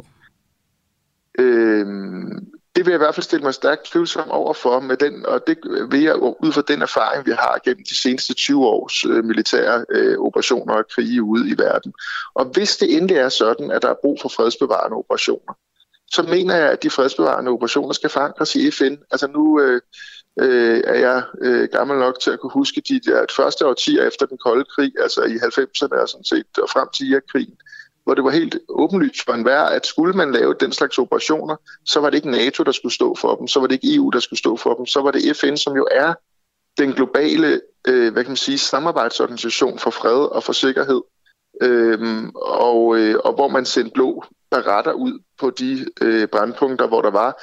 Fordi der er man i højere grad i hvert fald sikker på, at de repræsenterer en fælles øh, international øh, position og ikke øh, bliver parter i, i stormagtsrivalisering. For det skal vi også huske. En af argumenterne for, at EU skal være mere i Afrika, det vil sige, at Kina er på vej ind, Rusland er på vej ind, så må vi også være der. Mm-hmm. Og så handler det jo ikke længere om, om, om hvad hedder det, om Afrika eller om afrikanernes øh, sikkerhed, så handler det om en, en rivalisering mellem stormagter, og den øh, synes jeg ikke, at øh, vi har nogen interesse i at være med til at, at puste til. Alright, Pelle Dragsted, det bliver øh, det sidste ord for dig her, som, øh, og du endte altså på et nej. Tror jeg ikke, der er nogen, der er i tvivl om længere efter vores det, interview her. Det gjorde jeg. Øh, Men jeg synes, det har været sværere den her gang, end øh, jeg har synes før. Jeg har aldrig okay, patentdomstolen, den, den var måske ikke noget, der kunne få mit, mit PCK, men, men, øh, men jeg må sige, at jeg synes, det har været sværere den her gang, og det har krævet noget øh, øh, rotering i, i, i hjernecellerne for at, at nå frem til, til, til den position. Jeg er enig med dig, og jeg er endda nærmest, øh, nærmest føderalist, når det kommer Ja. til, til EU, men jeg er også stærkt i tvivl. Men, øh, men tak i hvert fald for at fremlægge øh, dine synspunkter. Og god dag. Selv tak. I lige måde. Hej hej. Altså Pelle Dragsted, som er medlem af byrådet på Frederiksberg for Enhedslisten og tidligere folketingsmedlem. Morten Messerschmidt, en øh, mand, som nok er den politiker, der har kastet sig øh, mest ind i øh, denne her valgkamp om forsvarsforbeholdet. Han øh, tager det, som jeg vil kalde for drastiske midler i brug i øh, slutspurten af nej-kampagnen ved øh, forsvarsforbeholdet. Han har nemlig inviteret den britiske tidligere major og tidligere EU-parlamentariker og glædende EU-modstander Sir Geoffrey Van Orden til pressemøde på Copenhagen Plaza Hotel i går, for måske, det ved jeg ikke, at høre nogle andre end sig selv snakke. Og øh, jeg tog ind til det her pressemøde, og der, jeg vil gerne lige male billedet for jer. Ikke? Det, jeg havde ikke været på Copenhagen Plaza Hotel før, men det var sådan ternet guldtæppe og sådan nogle Chesterfield lædermøbler og mørkt øh, sådan noget mahoni træmøbler og sådan noget. Det var virkelig, hvad skal man sige, det passede meget godt, at der var en, øh, en 77-årig britte ved navn Sir Geoffrey Van Orden, der skulle sidde der og fortælle, hvorfor han mener, at øh, vi skal bevare forsvarsforbeholdet. Nå, men jeg fik i hvert fald lov til efter det her pressemøde at interviewe Van Orden, og jeg startede med at spørge ham til en påstand, som han havde øh, under det her pressemøde, som var, at EU's forsvarssamarbejde er en forstyrrelse for NATO. Og i så fald, hvordan det så kan være, at Jens Stoltenberg, som er generalsekretær i NATO, anbefaler et styrket EU-forsvarssamarbejde. Well, I'm not sure he really is. Um, my experience He said was so. well, yes. My experience is that when NATO representatives are addressing, a, if you like, an EU audience, they say things which the EU likes to hear. They certainly don't want to be offensive because, after all, 21 EU member states are also members of NATO. So, um, but often when I've had senior NATO representatives, after they've given their formal speech, and when I speak to them in the margins of the meeting, and I'll say certain things, and they say, "Yeah, well, of course, we absolutely agree with you because I couldn't say that uh, in front of this audience." So, um, So it's an I would act. I would say that um, the preference would be um, for all of those um, EU member states that are members of NATO that actually they should strengthen their contributions to NATO. That's really what they want. But they do. But what people don't want to do is offend the EU sort of hierarchy and all of that, which. Um, so I, I understand why sometimes senior people make those sorts of statements. It gets a little confusing. It is very confusing. So we, we cannot trust that, you say. So what? Well, no, it's not that I'm saying I don't trust that. I'm just saying I'm saying I understand why um, one needs to say certain things in certain contexts. My big concern is NATO. Um, for a long time, um, we have said that NATO needs revitalizing.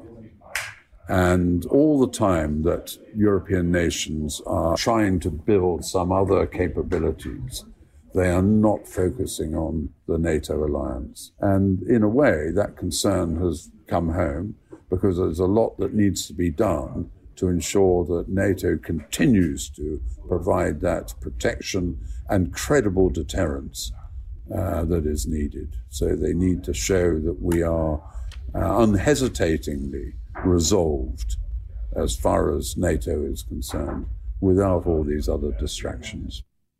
Det er jo svært at få bekræftet, om det er rigtigt, det her, som øh, Geoffrey Van Orden, tidligere øh, britte og tidligere NATO, øh, undskyld, EU-parlamentariker. Det er svært at få bekræftet, om det er rigtigt, at NATO-topfolk siger noget andet i krone, end de siger udad til. Påstanden fra Van Orden er, at NATO-folkene ligesom udadtil støtter et styrket forsvarssamarbejde i EU, men at de i virkeligheden ikke ønsker det styrket. Øhm, jeg, jeg tænker jo på en eller anden måde, at det kom jeg bare til at tænke på under interviewet, at der er 21 lande, som både er medlem af EU's forsvarssamarbejde, er med i EU's forsvarssamarbejde, og som også er medlem af NATO. Og NATO står jo stadig. Så jeg har måske en lille smule svært ved at se, at det vil svække NATO betydeligt, hvis Danmark de, øh, de også bliver en del af EU's forsvarssamarbejde. Det kan man bare lige til at tænke på. Nå, men tilbage til Geoffrey Van Orden, fordi Storbritannien, det er jo øh, et land, som har været med i EU, og også dermed i EU-forsvarssamarbejdet, og som ikke er det længere. Og derfor så spurgte jeg ham, hvilke negative konsekvenser det har haft, at de ikke længere er med i forsvarssamarbejdet. Og der er ikke rigtig nogen, hvis øh, man altså skal tro Geoffrey Van Orden. There are no negative consequences. Nothing.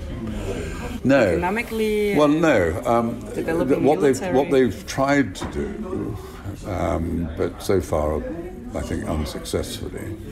What the French in particular have tried to do is exclude Britain from um, some of the research and development projects. There was, for example, the Galileo um, uh, GPS system and everything, which we'd invested enormously in um, and built you know, satellites in the UK and all the rest of it.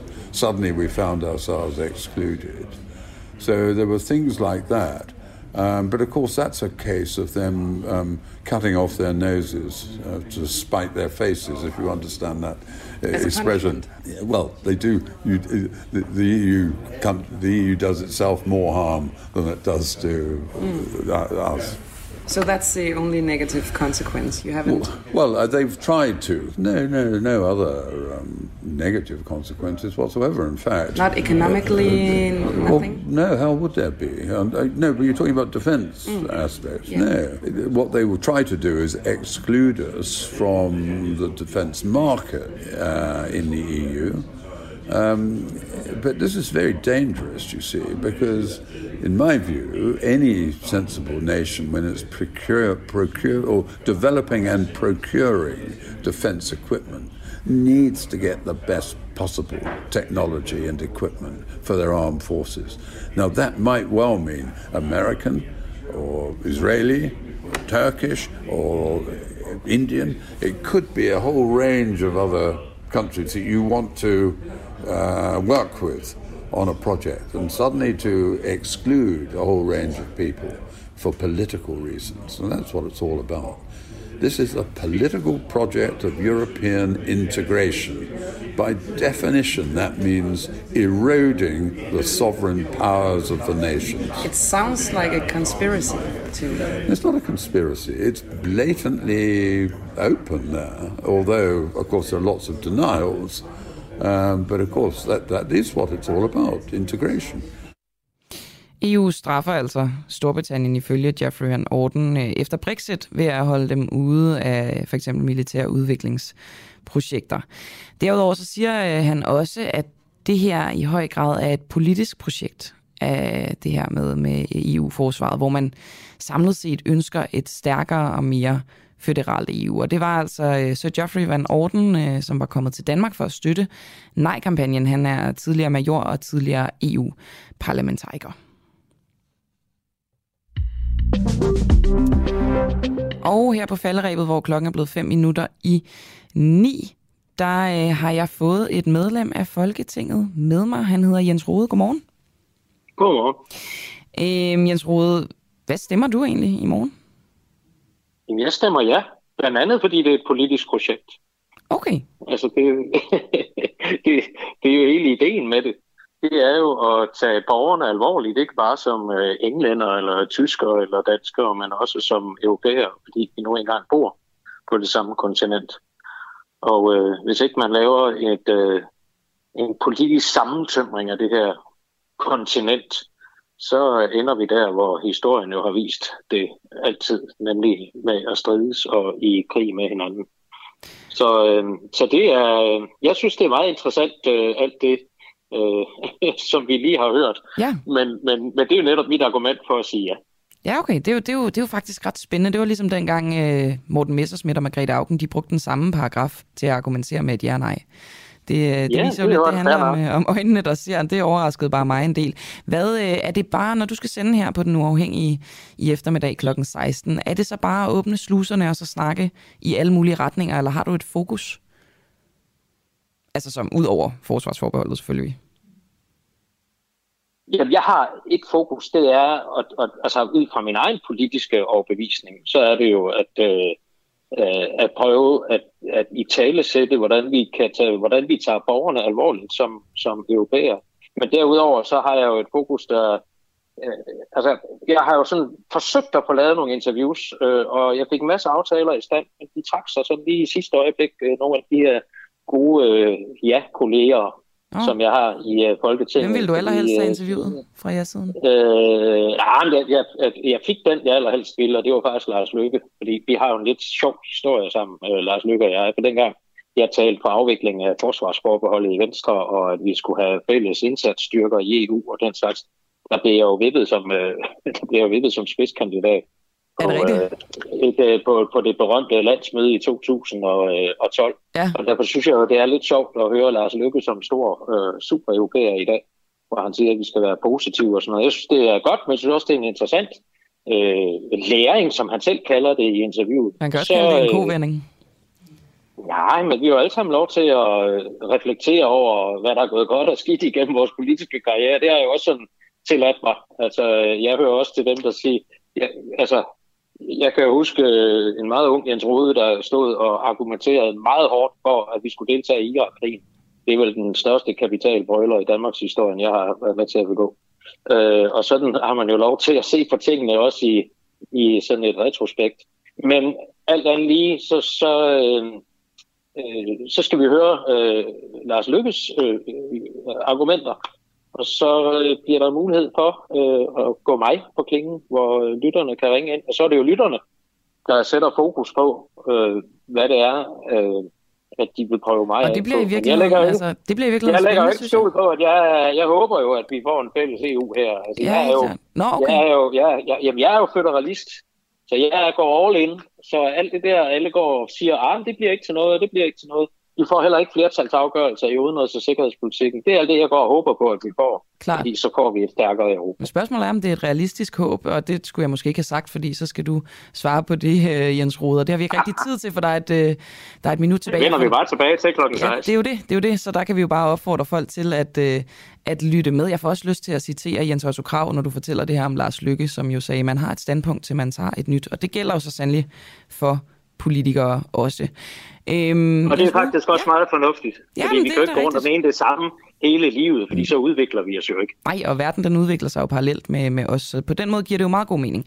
Lyt med klokken 16. Tak fordi du lige var med, Jens Rode her. Selv tak. Og så er jeg også nået til vejs ende med den her udgave af En Uafhængig Morgen. Jeg hedder Camilla Boraki, og klokken er næsten blevet ni. Jeg er tilbage i morgen i værtsstolen. Ude i regien har jeg haft øh, Clara Vind og Barry Vessel, og programmet det er blevet sat sammen af Peter Svarts Nielsen.